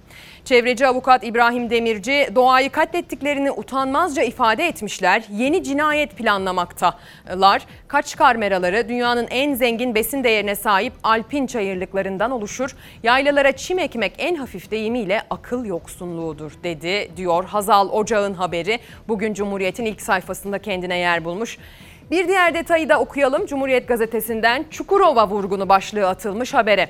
Limak Kalyon Cengiz İnşaat'ın elenmesinin ardından iki kez ihalesi ertelenen Çukurova Havaalanı arazisinden kötü kokular yükseliyor. Araziler bazı kişiler tarafından köylülerden alındı ardından kamulaştırıldı deniyor haberde. Hadi gelin havadan biraz bahsedelim. Dün itibariyle İstanbul'da e, sadece 15 dakika yağan ama görüntüsüyle dehşete düşüren sabah erken saatte olup geçtiği için gün içinde uyananlara hadi ya yağmur mu yağdı dedirten bir yağış söz konusuydu. Bazı yerde 10 dakika yağdı bazı yerde 15-20 dakika yağdı ama görüntüler öyle dedirtiyor ki bir 5 dakika daha devam etse e, mağduriyetin boyutu çok daha fazla büyüyecekti. Sadece Marmara'da İstanbul'da değil aynı zamanda Ege kıyılarında Muğla Antalya çevrelerinde Trakya'da da yağış tahribat bıraktı.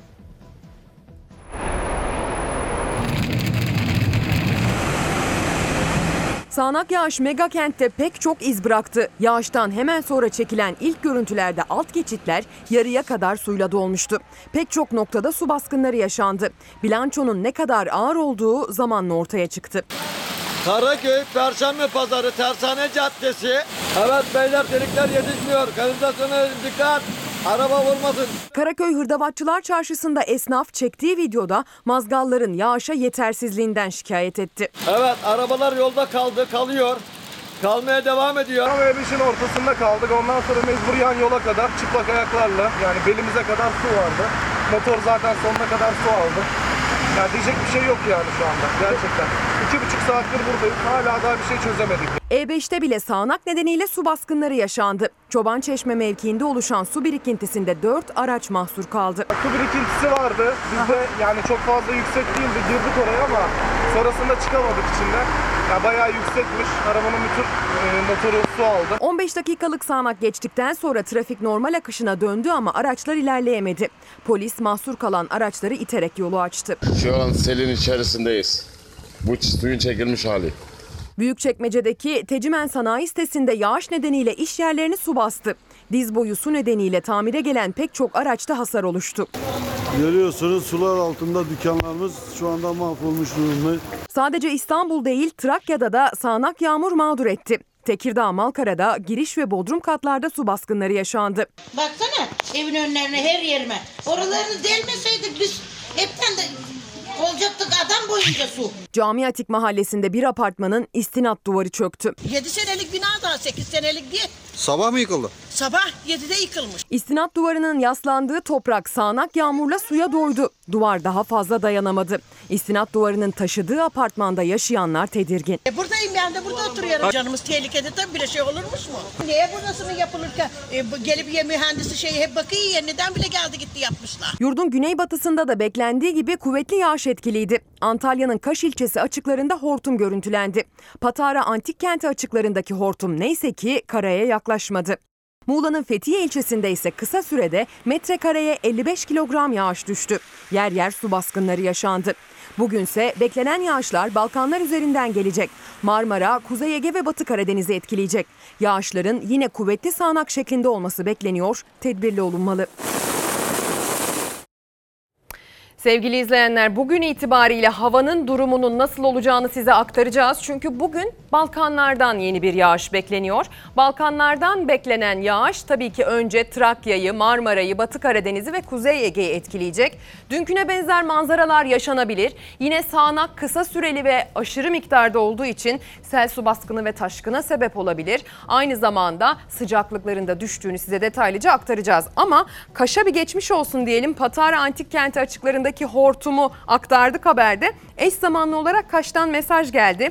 Kaş Sahil Güvenlik Komutanlığı Cumhuriyetimizin 97. yıl dönümünü kutlar mesajı için e, Kaş Sahil Güvenliği'ne buradan selam ve sevgilerimizi göndermiş olalım. Az evvel söyledim. Bugün yine bir yağış gelecek ve detaylarını az sonra aktaracağız. Bugün Ege'de, Marmara'da, Batı Karadeniz'de dışarı çıkacaksanız e, havanın nasıl olduğunu önemsiyorsanız o haberi beklemenizi tavsiye ediyorum. Bir gün gazetesinden detaylarla devam edelim. Alamos Gold bilmecesi başlığı altında tabii ki Kaz Dağları'ndan gelen bir haber var.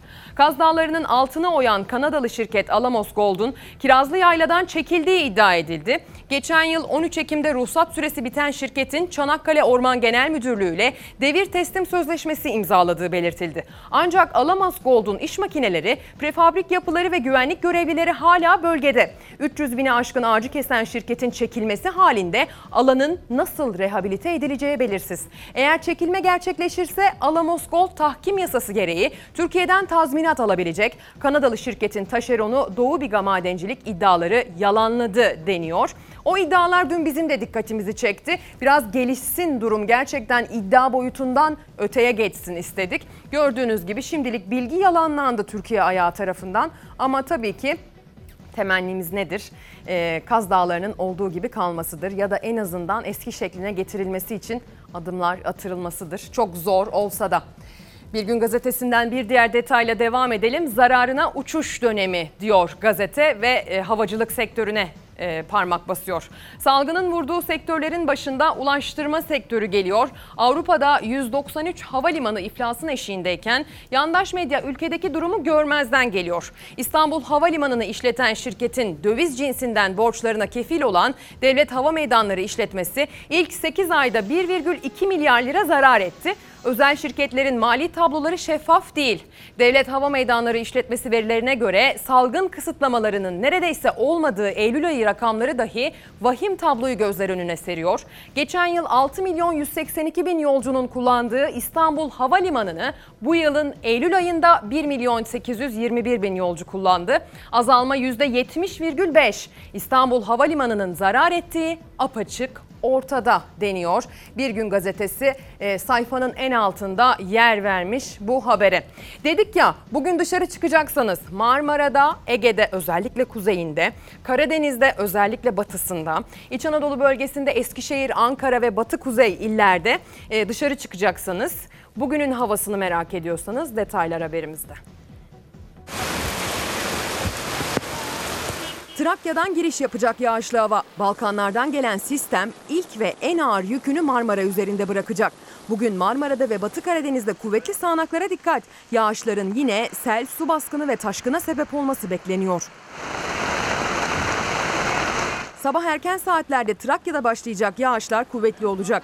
Öğle saatleri yaklaşırken kuvvetli yağış ihtimali İstanbul'a da yaklaşmış olacak. Sadece Marmara bölgesinde değil, başta kuzey kesimleri olmak üzere Ege bölgesinde de etkisini gösterecek yeni sistem. İç Anadolu bölgesinde de yağış batı ve kuzey illerde görülecek. Başkentte bugün yağışlı olacak. Marmara bölgesi üzerinde kuvvetli etkisini yitirmeden Batı Karadeniz'e ilerleyecek yağışlar. Marmara geneli Batı Karadeniz ve Kuzey Ege'de yağışın yer yer kuvvetli sağanak şeklinde etkili olması bekleniyor. Gök gürültülü sağanak şeklindeki yağışlar yine sel, su baskını ve taşkına sebep olabilir. Dikkat edilmeli. Cumartesi günü de Marmara'nın doğusunda kuvvetli sağanak geçişi bekleniyor. İstanbul üzerinde kısa süreli sağanak ihtimali cumartesi de sürüyor. Karadeniz bölgesi, İç Anadolu ve Akdeniz bölgesinde de hava yağışlı olacak cumartesi. Pazar günü ise Marmara ve Karadeniz yine yağışlı, iç kesimlerdeki yağışlarsa doğuya doğru ilerleyecek. Doğu Anadolu bölgesi de zamanla yağışın etkisine girecek. Sıcaklıklarsa gün gün düşmeye devam ediyor. Dün yer yer 5 dereceye kadar soğuyan hava bugün ortalama 3 derece daha soğuyacak. Sıcaklık düşüşü kuzey ve iç kesimlerde hafta sonu da sürecek. Günler sonra gelen yağışlarla birlikte hava 3 gün içinde kademe kademe soğuyacak. Şimdi şu konuya bir açıklık getirelim. Sondan başlayalım. Çok üşüyeceğiz. Yani hani sonbahar serindir. Sabah erken saatte, akşam saatte üşürüz. Öğlen vakti terleriz. Gün içinde sıcaklık değişimi hasta eder. Bahar mevsimlerinin, tüm geçiş mevsimlerinin karakteristik özelliği budur. Ancak e, bugün itibariyle bahsettiğimiz sıcaklık düşüşü serinlikten daha öte. Aslında hafta başından beri hazırladığım haberlerde ben bunu size aktarmaya gayret ediyorum sevgili izleyenler. Bugün buradan canlı canlı da söyleyeyim hafta sonu bayağı tir tir titreyebilirsiniz. Marmara'da, Karadeniz'de sonra duymadım etmedim bilmiyordum demeyelim. Lütfen hasta olmayalım. Bu dönemde hasta olmamamız gerekiyor çünkü. Harita neler söylüyor? Gelin bakalım bugünün haritasıyla başlayarak bugün Marmara bölgesi üzerinde Kuzey Ege'de, Batı Karadeniz'de, İç Anadolu bölgesinin kuzey ve batı kesimlerinde yağış görüyorsunuz haritamın üzerinde. Bu harita bize diyor ki sabah erken saatlerde Marmara'dan Trakya üzerinden Çanakkale, Balıkesir, Bursa'yı da etkileyecek şekilde bir yağışlı sistem yurda giriş yapacak. Batıdan doğuya doğru ilerleyecek. Öğle saatine gelmeden yani eli kulağındadır bu yağış İstanbul'a ulaşacak. İstanbul'dan sonra Batı Karadeniz'e doğru ilerleyecek ve sadece İstanbul'da değil Marmara Denizi'nin güneyindeki illerde Bursa, Yalova çevrelerinde, Batı Karadeniz'in kıyı kesiminde bugün kuvvetli sağanak görülebilir. Yine Trakya'da Kuzey Ege'de bugün yine kuvvetli sağanak görülebilir. Yani biraz yüklü geliyor ve o yükü ilk ve en ağır şekilde Trakya'da, Kuzey Ege'de, İstanbul'da bırakıyor. Sonra Batı Karadeniz'de de yine hatrı sayılır bir yağış bırakması bekleniyor gelen bu sistemin Balkanlar üzerinden. Ve bu yağışla birlikte sıcaklık, sıcaklıklar bir kademe daha düşüyor. Dün zaten yaklaşık 4-5 derece soğudu. Bugün 2-3 derece daha soğuyacak. Cumartesi, pazar soğumaya devam edecek. Yani dolayısıyla e, işte geçtiğimiz yani dünden perşembeden önümüzdeki pazartesiye kadar baktığınızda bayağı termometre değerlerinin mevsim değiştirdiğini hissedeceğiz. Hasta olmayalım. Lütfen çok dikkat. Mevsimsel griple korona birbirine çok benzer. Yaşadığınız tedirginliğe değmez. O yüzden dikkat edelim. Cumartesiye bakalım sevgili yönetmenim. Cumartesinin haritasında Trakya'da, Ege'de güneş açtı görünüyoruz. Ama e, İstanbul üzerinde Marmara bölgesinin doğusunda yağışlı havanın etkisini sürdüğünü söylüyor harita. İstanbul'da özellikle İstanbul'un Karadeniz'e kıyısı olan e, ilçelerinde e, sağanak ihtimali cumartesi günü de devam edecek. E, dikkat edelim. İstanbul'daki sağanak ihtimali maalesef minicik bir ihtimal bile olsa çok dikkatli olmayı gerektiriyor. Yine Karadeniz üzerinde iç kesimlerde ve doğuya doğru sarkan bir yağış var. Cumartesi günü de. Bu yağışlar gök gürültülü sağanak şeklinde olacak. Yani dün İstanbul'da yaşanan gibi, geçtiğimiz günlerde yurdun batısında yaşanan gibi e, şimşek gelecek, yıldırım gelecek, gök gürültüsü gelecek ilgililere duyurulur. Pazar gününe geçelim. Pazar gününe baktığımız zaman da yine Marmara'nın doğusunda bir yağıştan söz ediyoruz. Cumartesi başlayıp bitecek, pazar tekrar başlayıp bitecek gibi bir yağış var Marmara'nın doğusu üzerinde. Karadeniz'de, iç kesimlerde ve bu kez iç kesimlerin doğusu ve Doğu Anadolu bölgesi üzerinde yağışlı hava etkili olacak. Yani Ankara, Eskişehir çevreleri bugün yağış alacak e, İç Anadolu bölgesinin batı ve kuzey kesimleri değil de pazar günü doğu kesimleri İç Anadolu'nun yağışın etkisi altına girecek. Karadeniz'de yine yağışlı olacak. Sıcaklık olayını tekrar hatırlatmak isterim. Üşüyeceğiz. Yani böyle çok net özetlenebilir üşüyeceğiz. Aman üşümeyelim, aman hasta olmayalım. Çünkü kocaman bir salgının içerisindeyiz. Hatta e, salgının ilk aylarına bakıldığında çok daha e, sıkıntılı bir süreçte olduğumuzu söylüyor uzmanlar, yetkili ağızlar, yönetenler. Sağlık Bakanı biliyorsunuz dün bir açıklama yaptı. Birazdan ondan da detaylar aktaracağız. Adeta bir tsunami gibi üzerimize geliyor salgın. E, ama tedbirsizlik hala devam ediyor.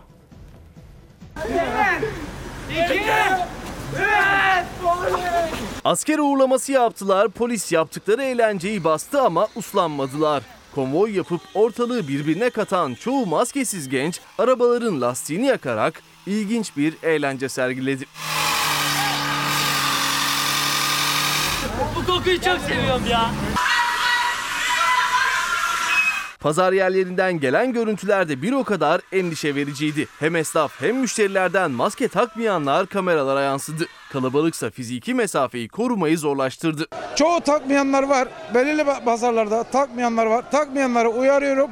Maskeyi ücretsiz veriyorum ve taktırıyorum. Antalya'da kapalı semt pazarı hınca hınç dolunca sosyal mesafe sıfıra indi. Daha önce koronavirüse yakalanıp tedavi gören Ahmet Türk maskesiz pazara gelenlere tepkili. Ben hastalığı çektim 15 gün. Koronavirüs atlattın. Tabii atlattım. Ondan dolayı yani ben kendime çok dikkat ediyorum. Maskesiz e, geliyorlar, çok geliyorlar. Esnaf da var, şey de var. Bak etrafınıza bakın görüyorsunuz değil mi? Vakaların %99 arttığı Düzce'de de manzara benzer. Sokaklarda maskesiz gezenleri denetim ekipleri tek tek uyarıyor. Sağlık Bakanı Fahrettin Koca açıkladı artışı. Kısa sürede ikiye katlandı vaka sayıları Düzce'de. Buna rağmen maskesiz gezenler hiç az değil Düzce sokaklarında. Daha önce koronavirüse yakalanıp tedavi gören vatandaş gibi. Endişelendiren asker uğurlaması görüntüleri ise İstanbul Esenyurt'ta çekildi. Bir grup genç asker uğurlama eğlencesi yaptı. İhbar üzerine polis geldi. Pek çok kişiye ceza kesti. Dağılın uyarısında bulundu. Polis ekiplerinin gitmesini fırsat bilip konvoya çıkan gençler trafikte korku saçtı. Büyük ölçüde maskesiz ve mesafesiz kutlamanın görüntüleri pes dedirtti.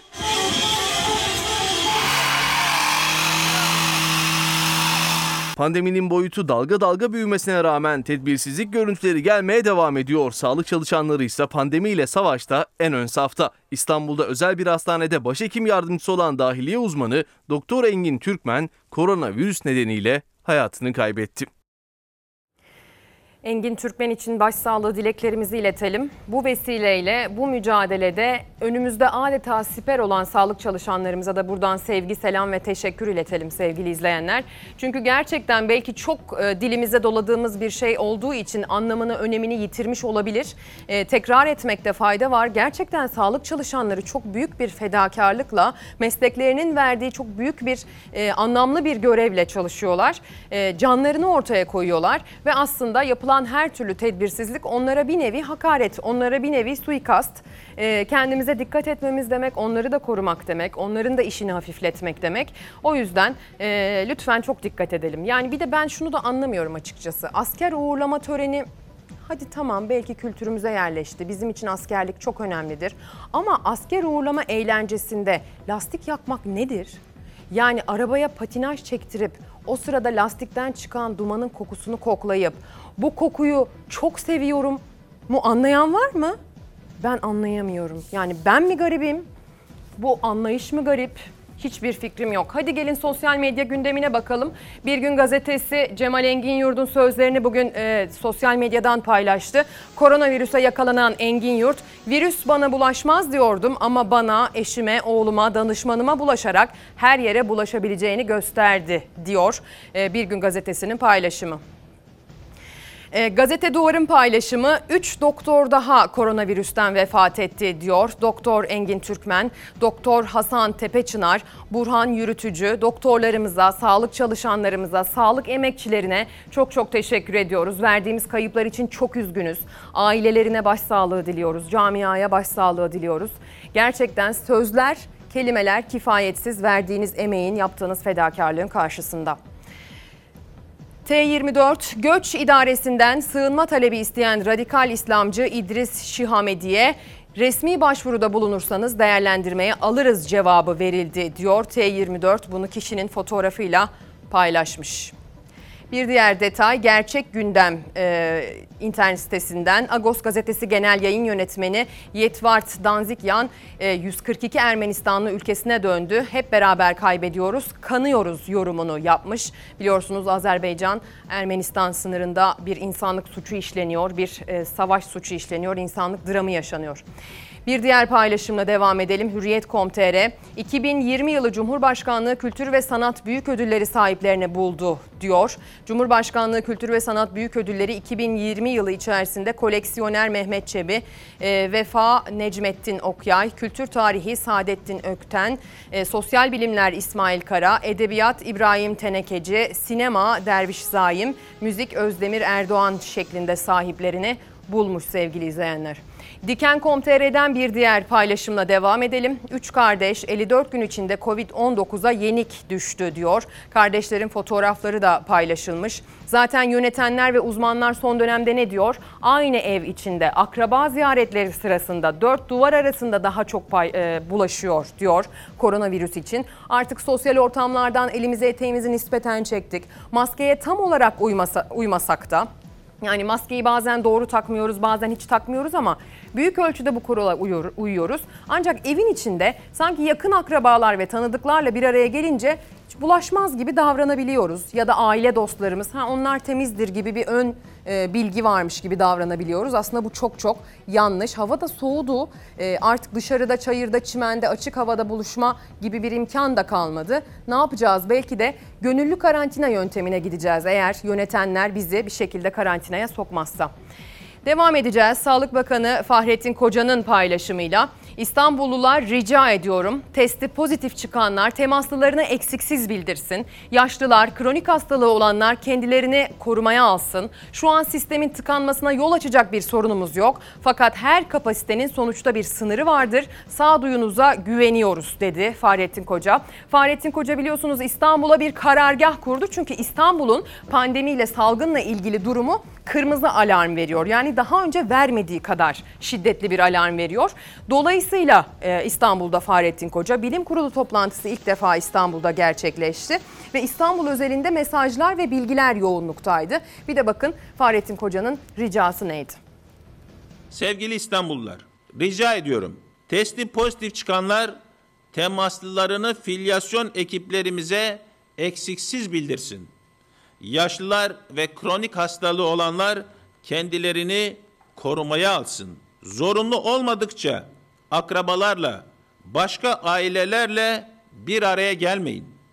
Zorunlu olmayan kutlama ve törenleri erteleyin. Salgınla savaşın bu aşaması disiplin istiyor. Sağlık hizmetlerinde sistemin tıkanmasına yol açacak bir sorunumuz yok. Kamu hastaneleriyle, özel sağlık kuruluşlarıyla, tıp fakültesi hastaneleriyle bir araya geldik. 112 acil servis ekiplerimizden filyasyon ekiplerimize kadar salgınla mücadelenin tüm birimleriyle buluştuk. Sağlık ordumuzla riske karşı organize olduk. Sizden şunu hatırlamanızı istiyorum. Her kapasitenin sonuçta bir sınırı vardır. Bu sınırı zorlamamak, tedbirleri uygulamanıza bağlıdır. Tedbirler hayattan mahrum kalmak anlamına gelmiyor. Hayatı mantıklı şekilde yönetmek anlamına geliyor. Mevcut şartlara karşı hareketliliği üçte bire indirmektir. Hareketliliği, teması azaltmaktır. Biliyoruz ki Covid-19 sadece kişilerin maruz kaldığı bir hastalık değil, toplumların maruz kaldığı bir hastalıktır. Türkiye'nin kalbinin attığı yerde başarmak zorundayız. İstanbul'u ve bize sunduğu her şeyi korumak zorundayız. Sağduyunuza güveniyoruz. İstanbul tüm yönetim birimleriyle harekete geçmiştir. Kararlı bir şekilde bizimle beraber olursanız salgını geriletmeyi başaracağız. Pek çok mesaj geliyor Twitter ve Instagram üzerinden. Gerek 29 Ekim e, Cumhuriyet Bayramı'nın yankısı sürüyor mesajlarınızda. Gerekse içinde bulunduğumuz salgının durumuyla ilgili mesajlar gönderiyorsunuz. Ve tabii ki e, güzel mesajlarınız da var. Onlar için de ayrıca çok çok teşekkür ediyorum. Fersan Kurt Adana'dan yine bize selamlarını eksik etmemiş. Hoş geldin diyenleriniz var. Çok teşekkür ediyorum. İsmail Küçükkaya nerede diye soranlar var. Kendisi iyi merak etmeyin. Tedbiren bir test yaptırdı. E test yaptırdıktan sonra da etik olarak e, bir e, karantina, gönüllü karantina sonuç çıkana kadar bir karantina söz konusu. E, güzel mesajlar arasında aslında Türkiye'nin siyasi gündemiyle ilgili de e, detaylara yer veriyorsunuz. Fox Haber izleyicisi gerçekten gündemi çok yakından takip ediyor. Bilinçli bir izleyicimiz var. Bu anlamda çok çok şanslıyız. E, ve bize bu çanta polemiğiyle ilgili mesaj gönderenler var. Şimdi mesaj gönderenler aslına bakarsanız ikiye bölünmüş durumda.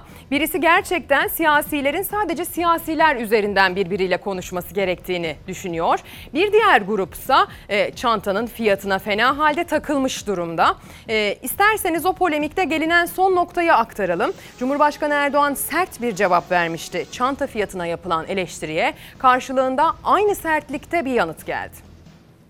devlet yöneticilerinin yoksulluğun bu boyutlarda olduğu bir dönemde 50 bin dolarlık çantayla gezmelerini doğru bulmam. Vicdani değil, ahlaki de değil, imani de değil. Sende zerre kadar yürek varsa sen benimle ilgili konuş. Eşimle ilgili konuşma. Seninle konuşuyorum. Cesaretin varsa gel. Yüreğin varsa gel. Boyun var, busun var. Mangal gibi yürek varsa, eğer dünyaya meydan okuyorsan, e bir de bana meydan oku kardeşim. Çıkalım senin televizyonuna. A Haber var, diğerleri var. Çıkalım. Cumhurbaşkanının resmine reste karşılık verdi CHP lideri. 50 bin dolarlık çanta polemiğinde sözleri Erdoğan'ınki kadar sertti. Açlıktan çocuklar ölürken 50 bin dolarlık çanta taşıyorsanız ben buna isyan ederim.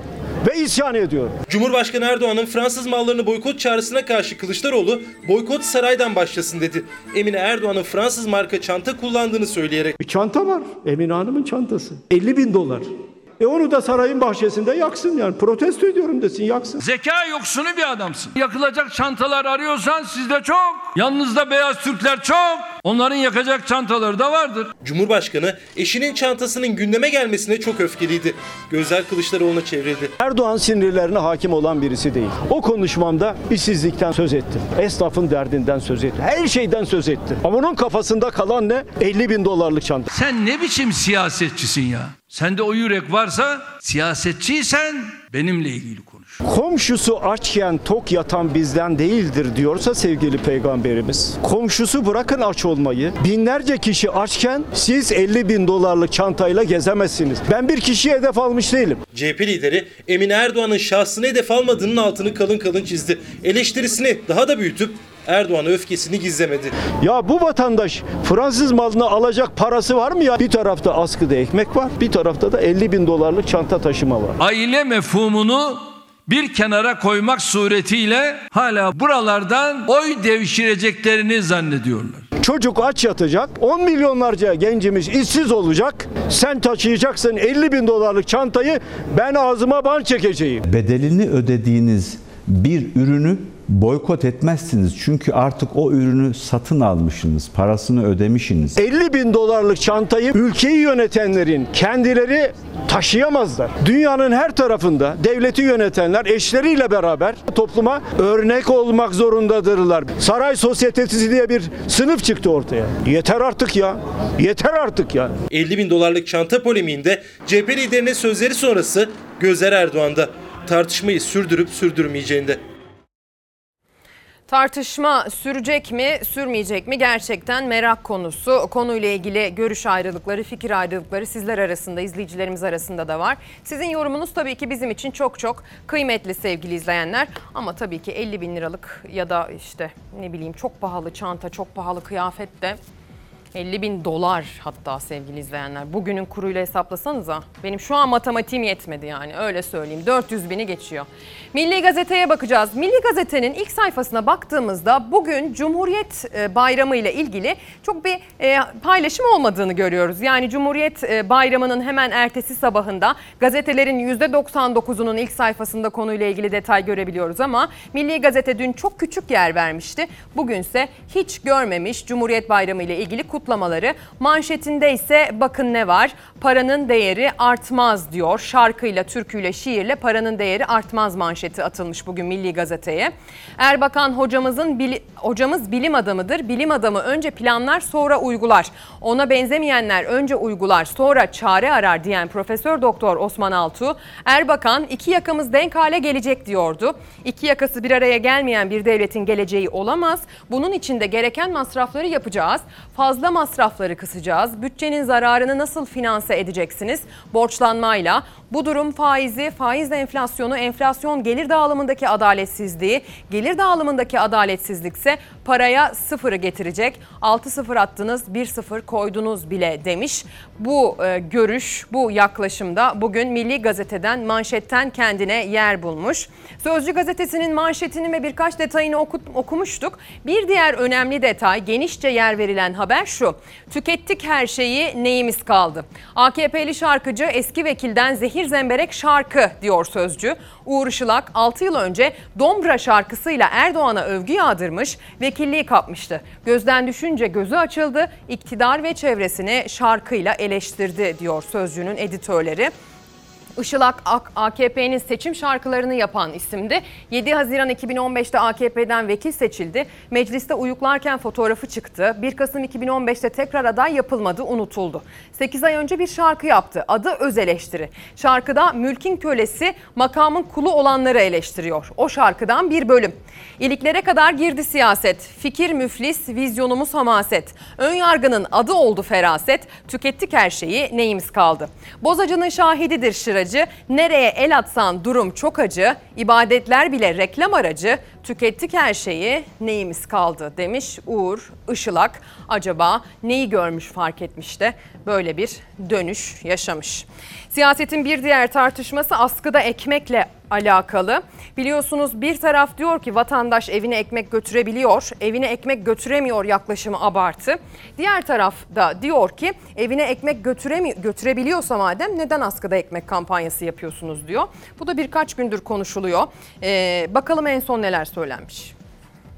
Bugün evine ekmek götüremeyen diye bir şey Türkiye'de var mı ya? İnanıyor musunuz bunlara? Ya arkadaş çöp konteynerlarından, pazar artıklarından geçimini sağlayan 10 binler var. Saray sana söylüyorum. Saray artıklarından beslendiği bir Türkiye. 21. yüzyılın Türkiye'si. Cumhurbaşkanı Erdoğan'ın evine ekmek götüremeyen yok sözüyle tartışma daha da büyüdü. Kılıçdaroğlu on binler var derken KRT televizyonunda konuşan Ahmet Davutoğlu MHP liderinin askıda ekmek kampanyasını hatırlattı. Ya bırakın Allah aşkına. Ya böyle bir şey var mı Türkiye'de? Bu yoksa Sayın Bahçeli niye asıyor ekmeği askıya? Her dönemde yoksul olur ama bu kadar yoksulluğun askıda ekmekle ifşa edildiği bir dönem yoktur. Dünyanın her ülkesinde muhtaçlık yaşayan, mesela ekmek alamayan, ekmeğe ulaşamayan insanlar vardır ve bilinmektedir. Askıda ekmek uygulamasını kim başlattı? Sayın Bahçeli başlattı. Niye başlattı? Evine ekmek götüremeyen insanlar var bu ülkede. Doğru muydu? Doğruydu. Evine ekmek götüremeyen var mı? 10 binler var. Bugün evine ekmek götüremeyen diye bir şey Türkiye'de var mı ya? Adam sarayda bakıyor herkese, herkesin ekmeği var. Keyfi yerinde. Bakıyor herkes biri değil, birkaç yerden maaş alıyor. E bakıyor diyor ki burada bir sorun yok. Büyüme oranına bakıyorsun şu anda dünyada en iyi noktada olan bir ülkeyiz. IMF'in ölçeklerine bakıyorsun, OECD'nin ölçeklerine bakıyorsun. En iyi konumda olan ülke konumundayız. Ama bunlar hesap kitap bilmiyor. Hiçbir Osmanlı padişahına nasip olmayacak kadar sarayınız var. Kendisine tavsiyem şu. Bu saraylardan birisine gitsin otursun. Yanına ekonomiden pembe masallar diye bir de kitap alsın. Damadının yazdığı. Okusun. Kendi dünyasını kendisi yaşasın. Adamın dünyadan haberi yok ya. Bir yanda MHP liderinin askıda ekmek kampanyası, diğer yanda Cumhurbaşkanı'nın evine ekmek götüremeyen yok sözleri. Muhalefet, Cumhur İttifakı ortaklarında çelişki var dedi. Bahçeli kendi kitlesinden gelen bazı tepkileri görüyor ve bir fakirleşme olduğunun farkına varmaya çalışıyor. Ama arada görüş ve gerçeklik farkı da aslında Cumhur İttifakı'nın ne kadar kırılgan olduğunu gösteriyor. Bizim için Cumhuriyet e, mecliste çeşitliliktir, çok sesliliktir, çoğulcu demokrasidir sevgili izleyenler. Demokrasiyle taçlandırılmış bir cumhuriyet gerçekten hedefine ulaşmış demektir. Bizim için Cumhuriyet kadınlara tanınmış fırsat eşitliğidir. Kız çocukların okula gönderilirken iki kere düşünülmemesidir mesela. E, Kadınların iş yaşantısında eşit ücretlendirilmesidir, eşit fırsatlar sunulmasıdır. Sokakta kadının e, birincil olmasıdır yani erkekle aynı safta yan yana görülmesidir. Bizim için Cumhuriyet aslında e, pek çok hak, eşitlik, özgürlük, adalet demektir. Hukuk e, cumhuriyeti olduğu zaman bir de hukuk devleti, sosyal devlet olduğu zaman e, cumhuriyetin hakim olduğu o yurt gerçekten e, tüm cumhuriyet bayramları kutlu olur. Kutlu olur. Biz de kutlu olsun diye elimizden geleni yapıyoruz. Gerek yıl içerisinde çalışmalarımızla mesleğimizi icra ederken sahip olduğumuz etik değerlerle gerekse 29 Ekim Cumhuriyet Bayramlarında günün hakkını vererek o ruhu hep beraber yaşatabilmeyi hedefleyerek elimizden geleni yapıyoruz. İsterseniz şimdi Çanakkale ile devam edelim. Çanakkale türküsüyle devam edelim. Az evvel e, Cumhurbaşkanlığı Senfoni Orkestrası'nın Cumhuriyet'in 97. e, yıl dönümü yaş günü, doğum günü dolayısıyla verdiği konserden bir kesit aktarmıştık. Şimdi e, Çanakkale türküsünü dinleyeceğiz.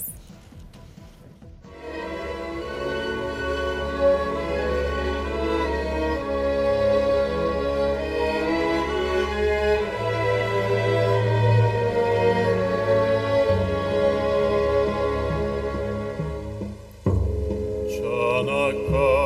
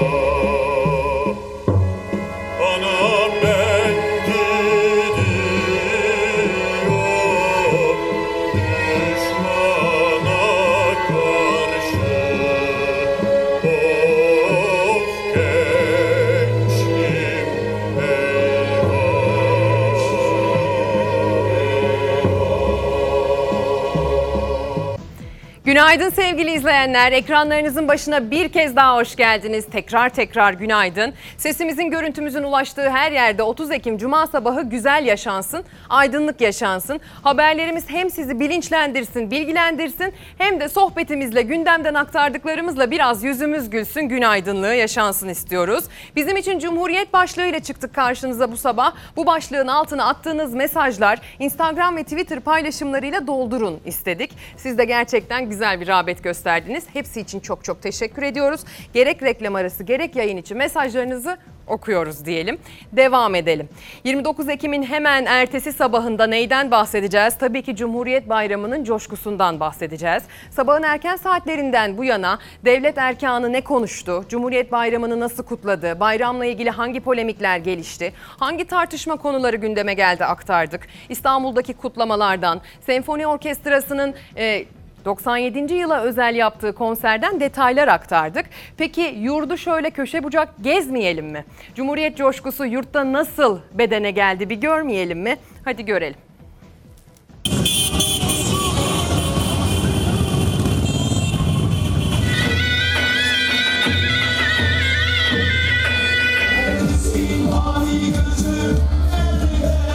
Dün sabah doğan güneş tüm yurtta gece bile batmadı. İnsanlar tek yürek oldu. Cumhuriyet Bayramı'nın 97. yıl coşkusu yurdun dört bir yanında yaşandı.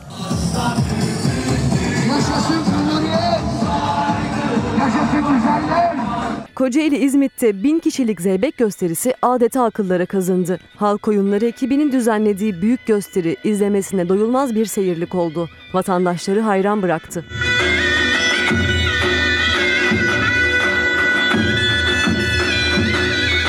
Ankara'da klasik otomobiller yollardaydı. 29 Ekim coşkusu Keçiören'de vatandaşları geçmiş zamanlara yolculuğa çıkardı. İzmir'de tarihi hükümet binası ışıklandırıldı. 29 Ekim'e özel hazırlanan video tarihi binanın duvarlarına yansıtıldı.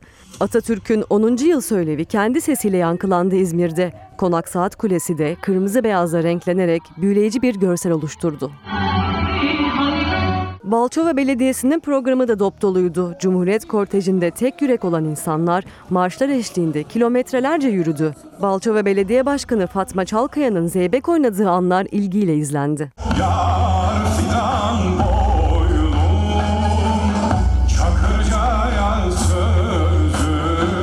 Cumhuriyet'in 97. yıl coşkusu Karabük'te ay yıldızlı balonlarla kutlandı. Gökyüzüne 97 adet balon bırakıldı. 29 Ekim programı konserlerle devam etti.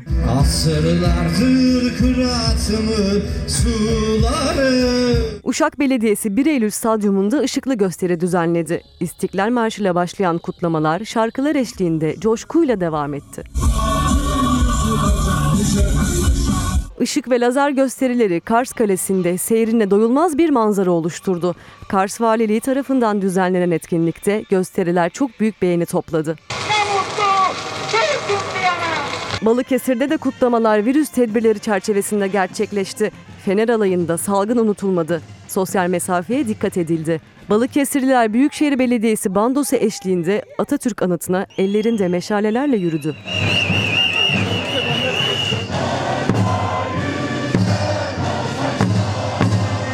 Sakarya'da Cumhuriyet yürüyüşünde tek yürek oldu vatandaşlar. 97. yıl coşkusu Fener alayıyla kutlandı. Sakarya'nın Geyve ilçesinde ise CHP ilçe başkanlığı vatandaşlara Türk bayrakları dağıttı. Sevgili izleyenler korona gündemiyle devam edeceğiz ama korona gündemiyle devam etmeden önce de son en güncel tabloyu aktaralım istiyoruz. Sağlık Bakanlığı'nın e, yayınladığı verileri son güncel verileri size aktarmış olalım. Türkiye'nin Covid-19 durumuyla ilgili Sağlık Bakanlığı'nın her gün paylaştığı videonun e, pardon fotoğrafın, grafiğin sonuncusu. 29 Ekim'in tablosu şu şekilde. 2319 yeni hasta tespit edildi sevgili izleyenler. Yani belirti gösteren koronavirüs taşıyıcıları 2319 olarak tabloya yansıdı. Bu da bir artışı ifade ediyor bir gün önceye nazaran. Maalesef 72 kişi daha vefat etti. Hepsi için Allah'tan rahmet diliyoruz ve toplam vefat sayısının 10 bini geçtiğini de tekrar hatırlatmak isteriz. 10.099 kişi koronavirüs nedeniyle bugüne kadar vefat etti. Ve 1581 iyileşen hasta bugün tabloya yansıdı. Onlar bizim umudumuz. Onları da aktarmış olalım. Ağır hasta sayısı da artışta. 1916 ağır hastanın varlığından söz ediyor koronavirüs tablosu. Tablo üzerinde tartışmalar sürüyor biliyorsunuz. Hasta vaka tanımı üzerinden sürüyor tartışmalar. E, kitlesel yapılan taramaların sonuçlarını da vereceğiz. Yani sadece pozitif negatif anlamında vaka anlamında bu sonuçları da vereceğiz demişti. Sağlık Bakanı Fahrettin Koca ama o günden bugüne henüz e, böyle bir açıklama yapılmadı. Şimdi en çok tartışılan tabii ki İstanbul. İstanbul özelinde de test tartışması sürüyor. Çünkü test merkezleri, hastane bahçeleri kuyruk e, olmuş insanlarla dolu. Herkes koronavirüs testi olmak için sıraya giriyor ama testlerin yetersizliğinden söz ediliyor. Fahrettin Koca yaptığı açıklamada e, test e, sayısı vermişti. 60 bin testten söz etmişti. Doktor Esin Şenol, Profesör Doktor Esin Şenol kendisi biliyorsunuz enfeksiyon hastalıkları uzmanı. Pozitiflik oranı %30 dedi. Bu da 18 bin vaka anlamına geliyor. Ağzınızı açın, dilinizi çıkarın. İstanbul'da da test kapasitesini özellikle çok arttırdık. Şu an 60 binin üzerinde İstanbul'da test yapılıyor. Test yaptırabildiniz mi? Hayır yaptıramadım. Ne Ee, dediler? bitmiş. Test taktikleri bitti dediler. Yarın tekrardan gelin dediler. 60 bin test dedi bu bulaşma hızında ve salgın bu ivmeyi kazanmışsa %30 civarında en aşağı test pozitifliği olması gerekir. 80 ilin toplamı kadar test yapılıyor İstanbul'da. Türkiye genelindeki test sayısı 128 bin. İstanbul'da ise 60 bin test yapıldığını açıkladı Sağlık Bakanı Fahrettin Koca. Yani belirtiyle hastaneye koşan her iki kişiden biri İstanbul'da yaşıyor. Üstelik enfeksiyon hastalıkları uzmanı Profesör Doktor Esin Şenol'a göre pozitiflik oranı da %30'a ulaştı. Bu da her gün 18 bin kişiye koronavirüs teşhisi konuluyor demek. Tabi teste ulaşabilirlerse. Geldik de test yok dedi abi ya. 3 gündür geliyoruz. Test yapmıyorlar.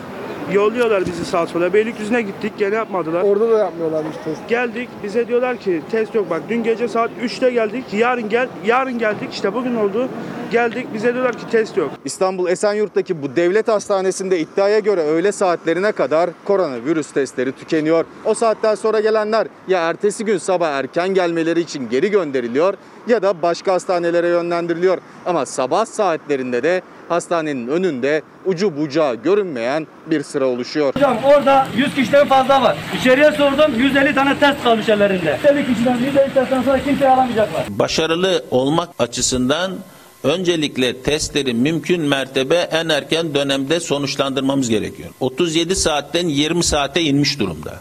Biz bunu 8-10 saate ortalama indirmek istiyoruz. Bakan Koca'ya göre test ve testlerin erken sonuçlanması hayati önem taşıyor. Ancak uzmanlar vaka artışının hızlandığı İstanbul için 60 bin testi yetersiz buluyor. Zaten hastaneye başvuranların tamamı da teste erişemiyor. Test yok mu? Test yok. Ne diyorlar? Rahatsızdım zaten test için geldim. Testin bittiğini söylediler başka yere gitmem lazım. Test sayısını yüz binler ve milyon ifade etmemiz gerekir İstanbul için. Bize de kısıtlı veriliyor test. Bütün merkezlerin belli bir hakkı var. Atatürk Havalimanı'ndaki pandemi hastanesine gönderdiler bizi. Burada test yaptıramadınız yani. Hayır yaptıramadık. Belli bir sayı var dediler. O sayıdan olabilirseniz olursunuz. Olamazsanız oraya gidin dediler. Profesör Şenol'a göre kalabalık ortamlarda bulunmak zorunda olanlara toplu testler yapılmadıkça yayılmayı durdurmak zor. Test sonuçlanma sürelerini kısaltıyor olmak yetmez. Aslında bütün neredeyse iş yeri girişleri, okul bahçeleri, ulaşılabilir noktalarda insanların kendilerinin burun sürüntülerini alıp teslim edebileceği bölgeler oluşturmak gerekir. Şimdi otoyol fiyatları ile ilgili bir haberle devam edeceğiz sevgili izleyenler. Biliyorsunuz çok ciddi bir tartışma konusu bu. Otoyolların fiyatlandırılması, bu fiyatlandırmanın döviz üzerinden yapılması, otoyollar yapılırken kullanılan ihale yöntemi, bunun neden devlet tarafından yapılmadığı gibi pek çok e, farklı kulvarda konuyla ilgili tartışma sürüyor. Son gelişme ise bu fiyatlandırmanın artık dinamik olacağı yönünde. Dinamikten kasıt yoğunluk artınca fiyat artacak, yoğunluk azalınca fiyat azalacak. Köprü ve otoyol geçiş ücretlerinde yeni düzenlemeye gidiliyor. Dinamik fiyatlandırma modeli geliyor. Yoğunluğun az olduğu saatlerde ücretlerin ucuzlaması ve ücretli yollara o saatlerde talebin artması hedefleniyor. 2021 Cumhurbaşkanlığı yıllık programında köprü ve otoyol fiyatlandırmaları ile ilgili bir düzenleme yer aldı. Düzenleme ile gelecek yıl dinamik fiyatlandırma adı verilen modele geçilmesi hedeflendi. Plana göre Ulaştırma ve Altyapı Bakanlığı Avrupa'da da uygulanan ücretlerin anlık değişkenlik gösterebileceği modelle ilgili çalışmalar için düğmeye basacak. Dinamik fiyatlandırma modelinde kullanıcıların talebi 7 gün 24 saat özel yazılımlarla takip ediliyor. Ücretler talebin yoğunluğuna ya da azlığına göre değişiyor. Dinamik fiyatlandırma yöntemiyle yoğunluğun az olduğu saatlerde ücretler biraz düşüş gösterebiliyor. Talep artarsa yeniden yükseliyor. Şimdi dünyanın koronavirüs gündemiyle devam edeceğiz. Yani dünyanın koronavirüs genelinde yaşadıkları, e, tespit edilen vaka sayılarında hangi ülkenin öne çıktığı, bir de karantina kararının Fransa'da nasıl uygulandığına bakacağız. Fransa'da bir karantina uygulanmaya başladı, detayları ortaya çıktı. Detaylara bakıldığında öğrencilerin yani eğitimin ve çalışanların sistemin dışında tutulduğu görülüyor. E, bakalım bu sistem işe yarayacak mı? Belki örnek olur.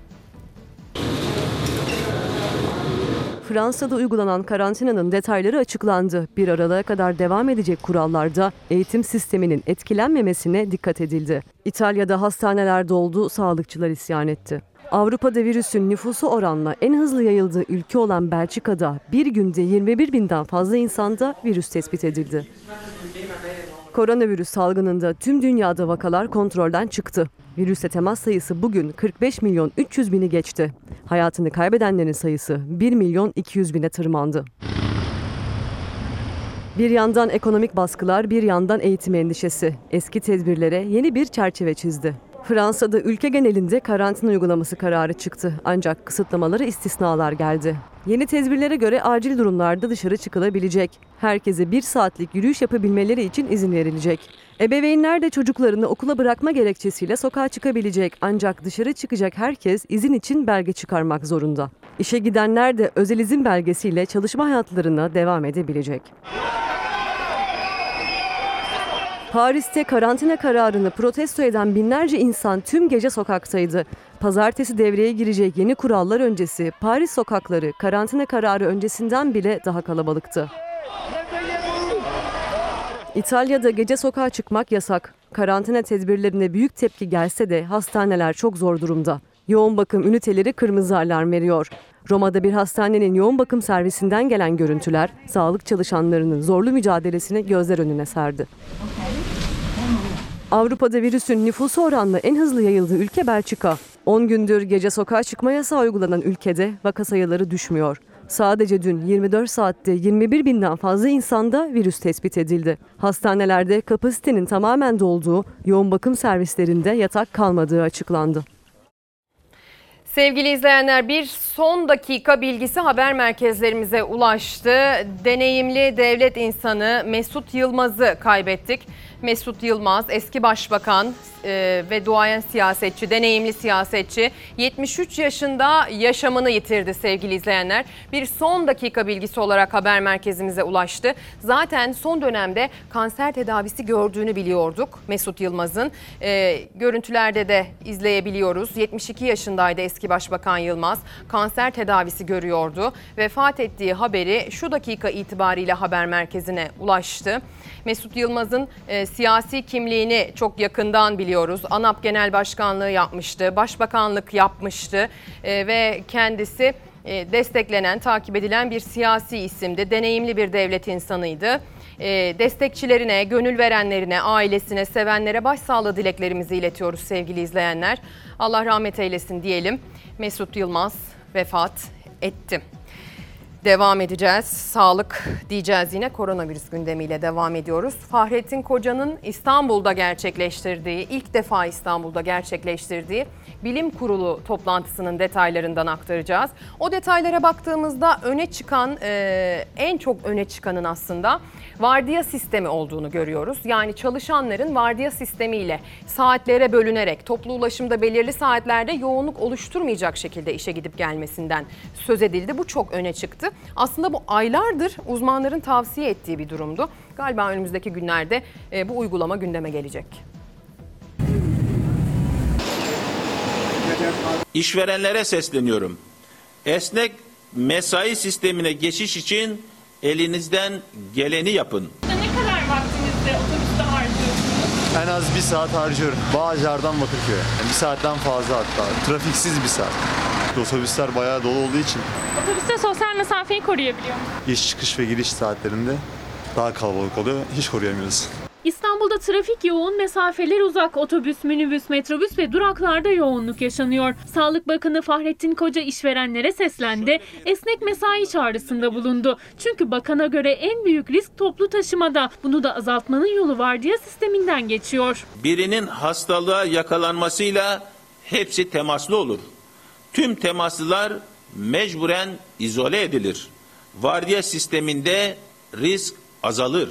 Trenle gittiğim için 20 dakikada gidiyorum. Salgının merkezi İstanbul'da metro ve Marmara ile yolculuk yapanlar kalabalıkta en azından daha kısa süre kalıyor ama çalışanların büyük kısmı otobüs, metrobüs ya da minibüsle gidip geliyor işe. Bu araçlarda da büyük yoğunluk yaşanıyor. Koronavirüsün yayılması hızlanıyor. Sağlık Bakanı çözüme ihtiyaç var dedi. En çok ihtiyaç duyduğumuz konu toplu ulaşımdır. Sosyal mesafenin korunamadığı toplu ulaşım en büyük risk kaynaklarındandır. Yolculuk dolayısıyla risk süresi uzundur. 1 saat 15 dakika sürüyor. Kartal'da oturuyorum.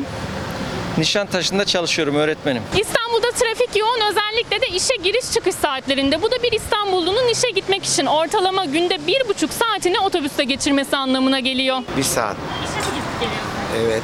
Bir saatten önce iki saatimiz yolda geçiyor. Evet. Maalesef. Zor oluyor ama mecburuz. Mutasyon daha çok bulaştırıcılığı artması şeklinde karşımıza çıkıyor. Yani daha önce 15-20 dakika yakın mesafede bir arada olunduğunda bulaşan virüs artık daha kısa süreyle bir arada olduğunuzda bulaşabilir özelliği söz konusu. Virüsün mutasyona uğradığını da açıkladı Bakan Koca ama istenilenin aksine olumsuz yönde. Virüs eskisinden de hızlı yayılıyor artık. Toplu ulaşım araçlarında geçirilen her dakikada risk daha da artıyor. Nüfus yoğunluğu nedeniyle İstanbul'da bir hasta 3 kişiye virüs bulaştırabiliyor. Bu yüzden Sağlık Bakanı temasın 3'te 1'e düşürülmesini istedi. Dışarı çıktığımızda 3 yere uğruyorsak bunu 1'e indireceğiz. Sevgili izleyenler toplu ulaşım gerçekten mesafe anlamında en çok zorluk yaşanan ve mecbur kaldığımız bir durum.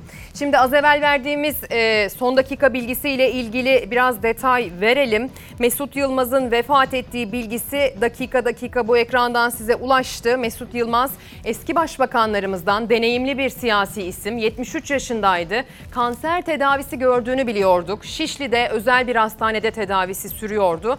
3 kez Türkiye'de başbakanlık yapmış bir e, isim. Geçtiğimiz ay yoğun bakıma alınmıştı Mesut Yılmaz kanser hastalığı dolayısıyla E, ve maalesef o hastalık neticesinde o hastalık sebebiyle Mesut Yılmaz'ı kaybettik. Deneyimli siyasetçi e, yaşama gözlerini yumdu kanser hastalığı nedeniyle.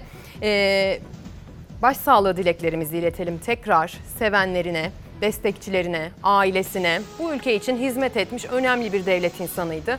Ee, bu bile çok çok yeterli bir Fatiha okumak için diye düşünüyoruz. Sevgili izleyenler bir kez daha başsağlığı diliyoruz. Dış basınla devam edeceğiz. Aslında pandeminin dış basınıyla, pandeminin dış gündemiyle devam edeceğiz. Almanya'ya bakacağız. Aslında zaten e, sürecin en başından beri Almanya'ya bakıyoruz ve gıptayla bakıyoruz. Ee, karantinalar uygulandı, eve kapatıldı Almanya'daki vatandaşlar. Ee, bir şekilde yayılım azalsın, salgının bulaş zinciri kırılsın diye yapıldı bunlar ama kimsenin mağdur olmadığını, Almanya'nın maddi olarak eve kapanan, çalışamayan insanlara çok ciddi destek verdiğini de takip ettik. Yine benzer bir durum söz konusu. Yine ciddi bir destek verilecek evinizde durun denen vatandaşlara.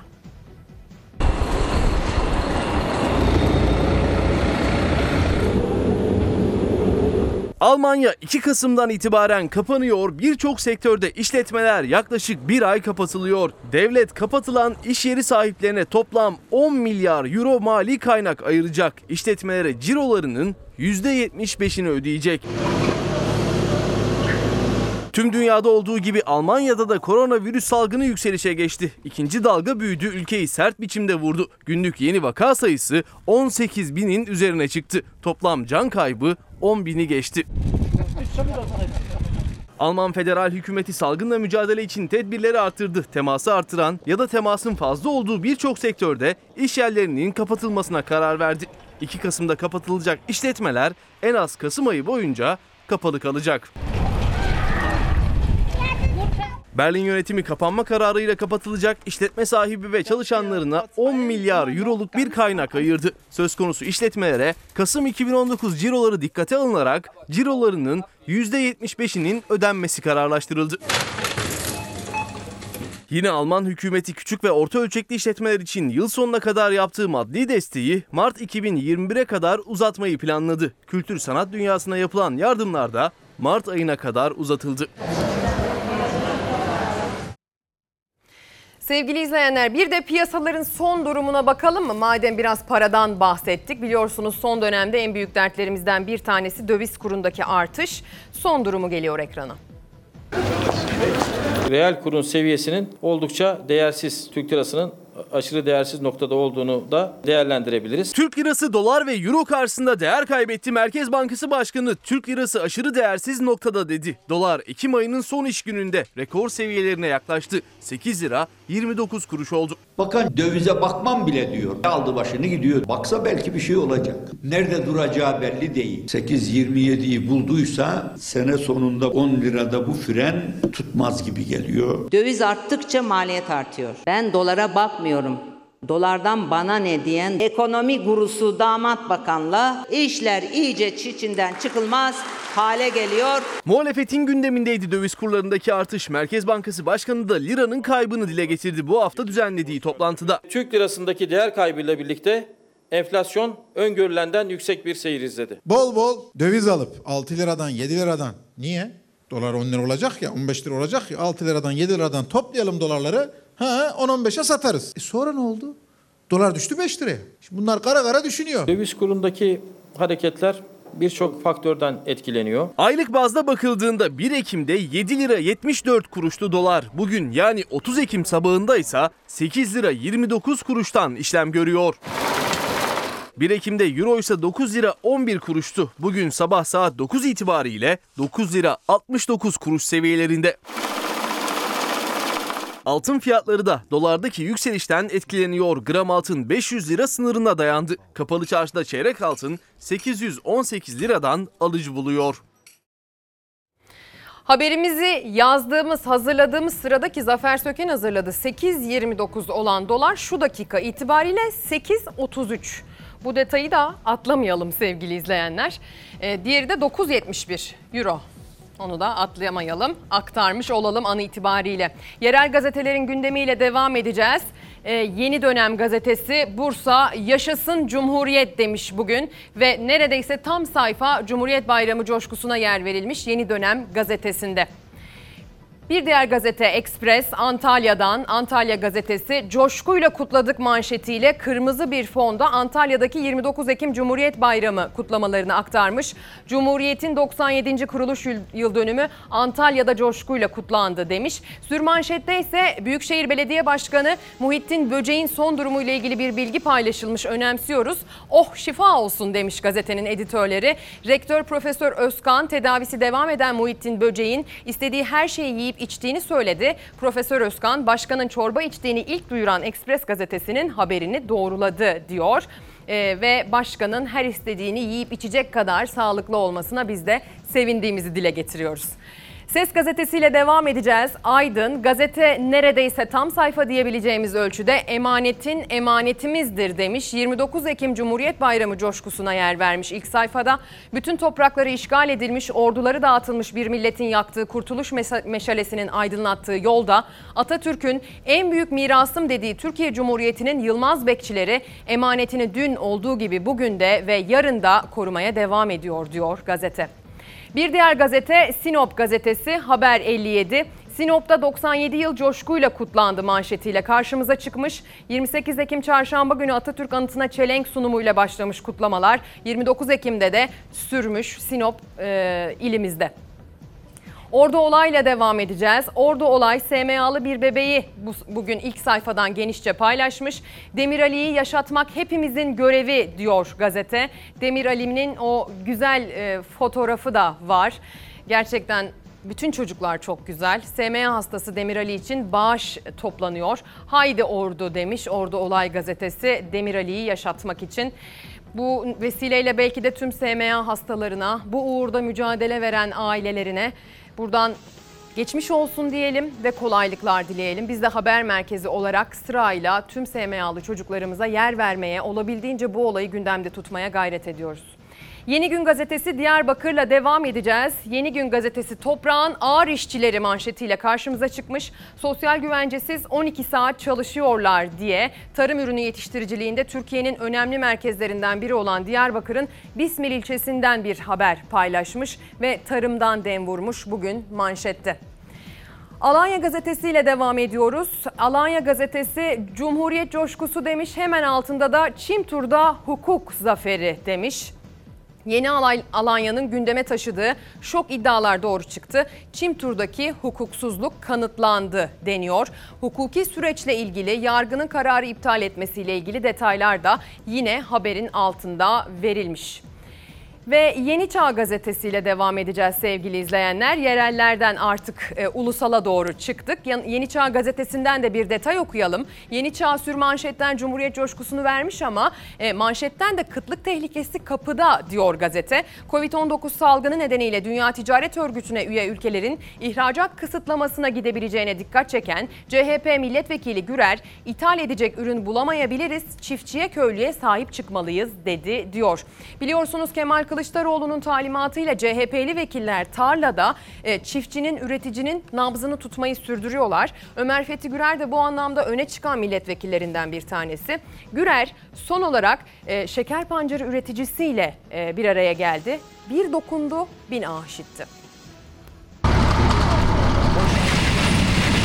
Dolara zam gelince çiftçinin malına niye zam gelmiyor? Ben onu anlamıyorum yani. Tamam biz Amerika'da yaşamıyoruz. Dolar bizi ilgilendirmiyor. Lafa gelince ilgilendirmiyor. Ama buradan bir boru almaya gittin mi bugün 5 liraysa boru 3 gün sonra 7 lira. Niye 7 lira oldu diyoruz? Dolara zam geldi. Şeyden haberiniz var mı diyoruz. Kalem kalem gelen zamlar çiftçinin belini büktü. Şeker pancarı çiftçisi tarım cazibesini kaybetti diyor. Döviz kurundaki artış maliyetleri arttırdı. Hayır gübreciye varıyoruz. Dolara zam geldi diyor. Gübreye zamı koyuyorlar. Mazota öylesine. Mazot zaten bizi bitiriyor. Şeker pancarı sökümü başladı. Hatta fabrikalar alıma da çoktan başladı. Gecikmeli açıklanan şeker pancarının ton fiyatı çiftçiyi hayal kırıklığına uğrattı. Geçen yıl Cumhurbaşkanı'nın müjde diyerek açıkladığı fiyat bu yıl sessiz sedasız duyuruldu. Ocak ayından bu tarafa elektriğe 6 kere zam geldi. 6 kere zam geldi. Şimdi çiftçi diyor ki işte e, bize müjde verilecek. Pancara zam verilecek, müjde verilecek. Ya neyin müjdesini bekliyoruz? Biz hakkımız olanı istiyoruz. Verdiler mi de o müjde. Müjde değil bu bizim hakkımız. Bize hakkımız olanı vermiyorlar. Geçen yıl tonu 300 liradan 16 polar şeker pancarının alımını fabrikalar yapıyordu. Bu yıl belirlenen fiyat tonu 336 lira oldu 16 polar için. Bu çiftçiyi memnun etmedi. Çünkü çiftçi en az 16 poların 390 lira tondan alınmasını 20 polara da en az 460 lira ton fiyatı verilmesini bekliyordu. Enflasyon yükseliyor. Enflasyona göre bize normalde enflasyona göre bize e, zam vermesi lazım. En az 60 kuruş zam gelmesi lazımdı buraya enflasyona göre. Doğru. Ha, ama ne hikmetse enflasyon devamlı düşük düşüyor. Nasıl düşüyor ben anlamadım yani. Ne açıklanan fiyatı ne de açıklanan enflasyon rakamlarını anlayamıyor çiftçi. Pancar çiftçisi üretime küsmek üzere olduğunu söylüyor. Pancar çiftçisi giderken bu işi bırakmaya başladı. Maliyetler yükseldi. Verilen zamlar yetersiz. Pancar iyice cazibesini yitirdi vekilim. Şeker pancarı cazibesini yitirip üretim azaldığında nişasta bazlı şurubun da önü açılıyor. Nişasta bazlı şurubun zararlarını uzmanlar saya saya bitiremiyor. Şeker pancarının önemini ise CHP NİDE milletvekili Ömer Fethi Gürer sıralıyor. Tabii şeker pancarı stratejik bir ürün. Şeker pancarından şeker de elde ediliyor, küspe elde ediliyor, melas elde ediliyor, alkol elde ediliyor, ispirto da kullanılıyor. Yani şeker pancarı ekeni, çapalayanı, tohumunu satanı, gübresini, ilacını satanı, fabrikaya taşıyanı, fabrikada işçiyeni gerçekten geniş bir kitleyi de ilgilendiriyor. Şeker pancarından ziyade çiftçi artık tarımdan uzaklaşıyor. Sevgili izleyenler işte çiftçinin hali pür melali budur. Şeker pancarı üreticisi özelinde aslında bir haber ama genel olarak bütün çiftçinin de derdi ortak diyebiliriz. Döviz kurundaki artış ve sonrasında maliyet kalemlerine teker teker gelen zamlar ancak bir türlü çiftçinin ürettiği e, ürüne gelmeyen zamlar üzerinden bir şikayetleri söz konusu. Ee, Ömer Fethi Gürer'in haberinde aslında onun haberi diyebileceğimiz bir durum söz konusu. Yeni Çağ gazetesinde de diyor ki kendisi e, eğer çiftçiye iyi bakmazsak aç kalabiliriz diyor. Gerçekten Covid-19 bize kıtlık ihtimalini belki de e, tekrar tekrar hatırlattı.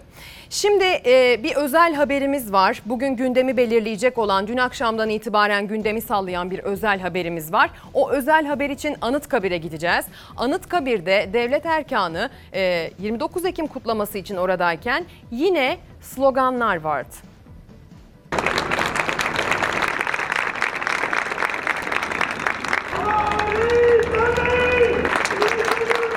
Yine Anıtkabir'deki törende Cumhurbaşkanı Erdoğan'a sloganlar alkışlar yükseldi. O sloganları atan sivillerin Anıtkabir'e girişi. isimleri listeli. 15 Temmuz sonrası Anıtkabir'de tören protokolü değişti. Artık siviller de alınıyor içeri. 29 Ekim, 30 Ağustos ve 10 Kasım'da da. Her törende Cumhurbaşkanı Erdoğan'a tezahüratlar yükseliyor.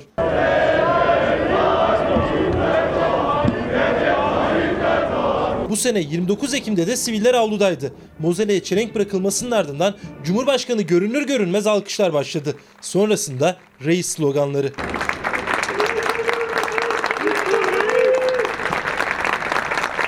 Anıtkabir'e gidiyorsun, yandaşları topluyorsun beni alkışlayın diye. Muhalefet yaşananların organize olduğunu dillendiriyordu.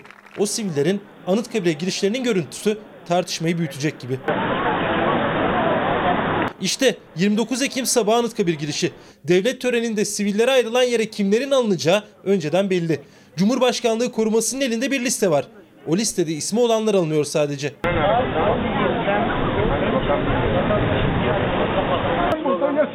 Bakın başka sloganlar atılmayacak Hepimiz orada. yaşasın Cumhuriyet. Bunun dışında başka bir slogan atılırsa ben buradan tepkimi göstereceğim. Lütfen buna dikkat edelim. Yani orada slogan atıldığı an ben de tepkimi korum burada. Listede ismi olmayan bir vatandaş kendisini içeri almayan görevliye böyle seslendi.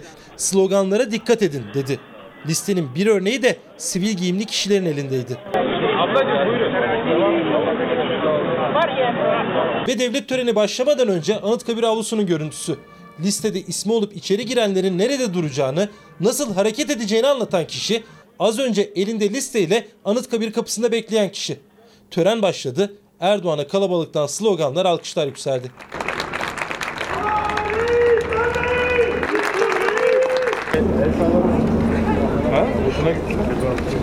Cumhurbaşkanı kendisini alkışlayan vatandaşları selamlarken CHP lideri öfkesini o anda da gizlemedi. Sonrasında da dile getirdi. Devleti yöneten bir kişi kendisini alkışlayacak adamlar toplarsa o devleti yönetemez artık. Kılıçdaroğlu yandaşlar diyerek tepki gösterdi. O sivillerin yer aldığı listenin Cumhurbaşkanlığı tarafından neye göre belirlendiği bilinmezken Erdoğan Anıtkabir'den ayrıldıktan sonra törene katılan sivillerin Mozole'yi ziyaret etmeden gitmesi yine dikkat çekti. İşte bu haber önemliydi sevgili izleyenler. Şimdi e, son dakika bilgisi olarak vermiştik hatırlayacaksınız Mesut Yılmaz'ın vefat ettiğini detaylarıyla sizlere aktaralım. Öncelikle başsağlığı dileyerek başlayalım sevgili izleyenler. Mesut Yılmaz e, Türkiye Cumhuriyeti'ne emek vermiş önemli bir devlet insanıydı. Kendisi 91 ve 99 yılları arasında 3 kere başbakanlık koltuğuna oturdu.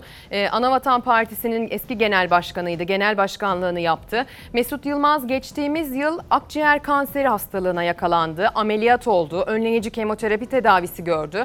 Sonrasında beyin sapında tümör tespit edildi. Bunun için bir kez daha ame- ameliyat oldu. E, 2020 yılının Mayıs ayında. O zamandan bu yana Şişli'de özel bir hastanede tedavisi devam ediyordu. Yoğun bakımdaydı ve maalesef kendisi e, bu sabah itibariyle hayata gözlerini kapattı. Mesut Yılmaz için bir kez daha başsağlığı dileklerimizi iletelim sevenlerine, ailesine, ona siyasi olarak gönül vermiş isimlere Allah rahmet eylesin diyelim. Mesut Yılmaz için ülkeye e, değer vermiş, emek vermiş, hizmet etmiş devlet insanlarımızın tamamına da bu vesileyle e, bir selam ve başsağlığı dileği gönderelim kaybettiklerimize diyelim. Sevgili izleyenler şimdi Kültür Bakanlığı'nın Milli Mücadele sergisi için Galata Kulesi'ne gidiyoruz. Cumhuriyet Bayramı ya kızım. Gördün mü Atatürk çocuklarla birlikte. Gördün mü? Bu çocuk kahramanlar bunlar. Bak burada da kadınlar trenlerin üstüne bir şeyler koyuyorlar. Neden? Hı? Çünkü savaşta yardım etmeleri gerekiyor. Milli mücadele ruhunun en güzel yansımaları Atatürk ve silah arkadaşlarının çok değerli kareleri, az bilinen fotoğraflarla Milli Mücadele sergisi İstanbul Galata Kulesi'nde açıldı. Özellikle çocuklar ve gençlerden büyük ilgi vardı. Kültür ve Turizm Bakanlığı'na bağlı Kültür Varlıkları ve Müzeler Genel Müdürlüğü Cumhuriyet'in ilanının 97. yılına özel sergi düzenliyor. Az bilinen belki de ilk kez görülen fotoğraflarla Milli Mücadele sergisi 29 Ekim'de ziyarete açıldı. Az açıkçası çok duygusal bir gün bugün bizim için. Çünkü Cumhuriyet'in ve demokrasinin önemi e, giderek artıyor. Dem Kule'yi göstermeye geldik. Hem de böyle fotoğrafları anlatmaya çalışıyor. Sergi 10 Kasım'a kadar ziyaretçilerini bekliyor. Ben ilk defa geldim fotoğraflar için. Çok değişik, çok güzel olmuş. Sergi 10 Kasım'a kadar açık. Bir kez daha hatırlatalım. Bizim için Cumhuriyet dedik. İşte Cumhuriyet ruhuyla 29 Ekim coşkusuyla belki de ziyaret edilebilecek bir adres sevgili izleyenler. Güzel bir 30 Ekim sabahı oldu diye düşünüyorum. İyi haberler de verdik. Üzüldüğümüz haberler de verdik. Bir vefat haberi de vermek zorunda kaldık sevgili izleyenler. Ee, acısıyla tatlısıyla güzel bir sabahı paylaştık. Şimdi önümüzde güzel bir hafta sonu var. İyi hafta sonları diyelim. Tekrar görüşünceye dek hoşçakalın.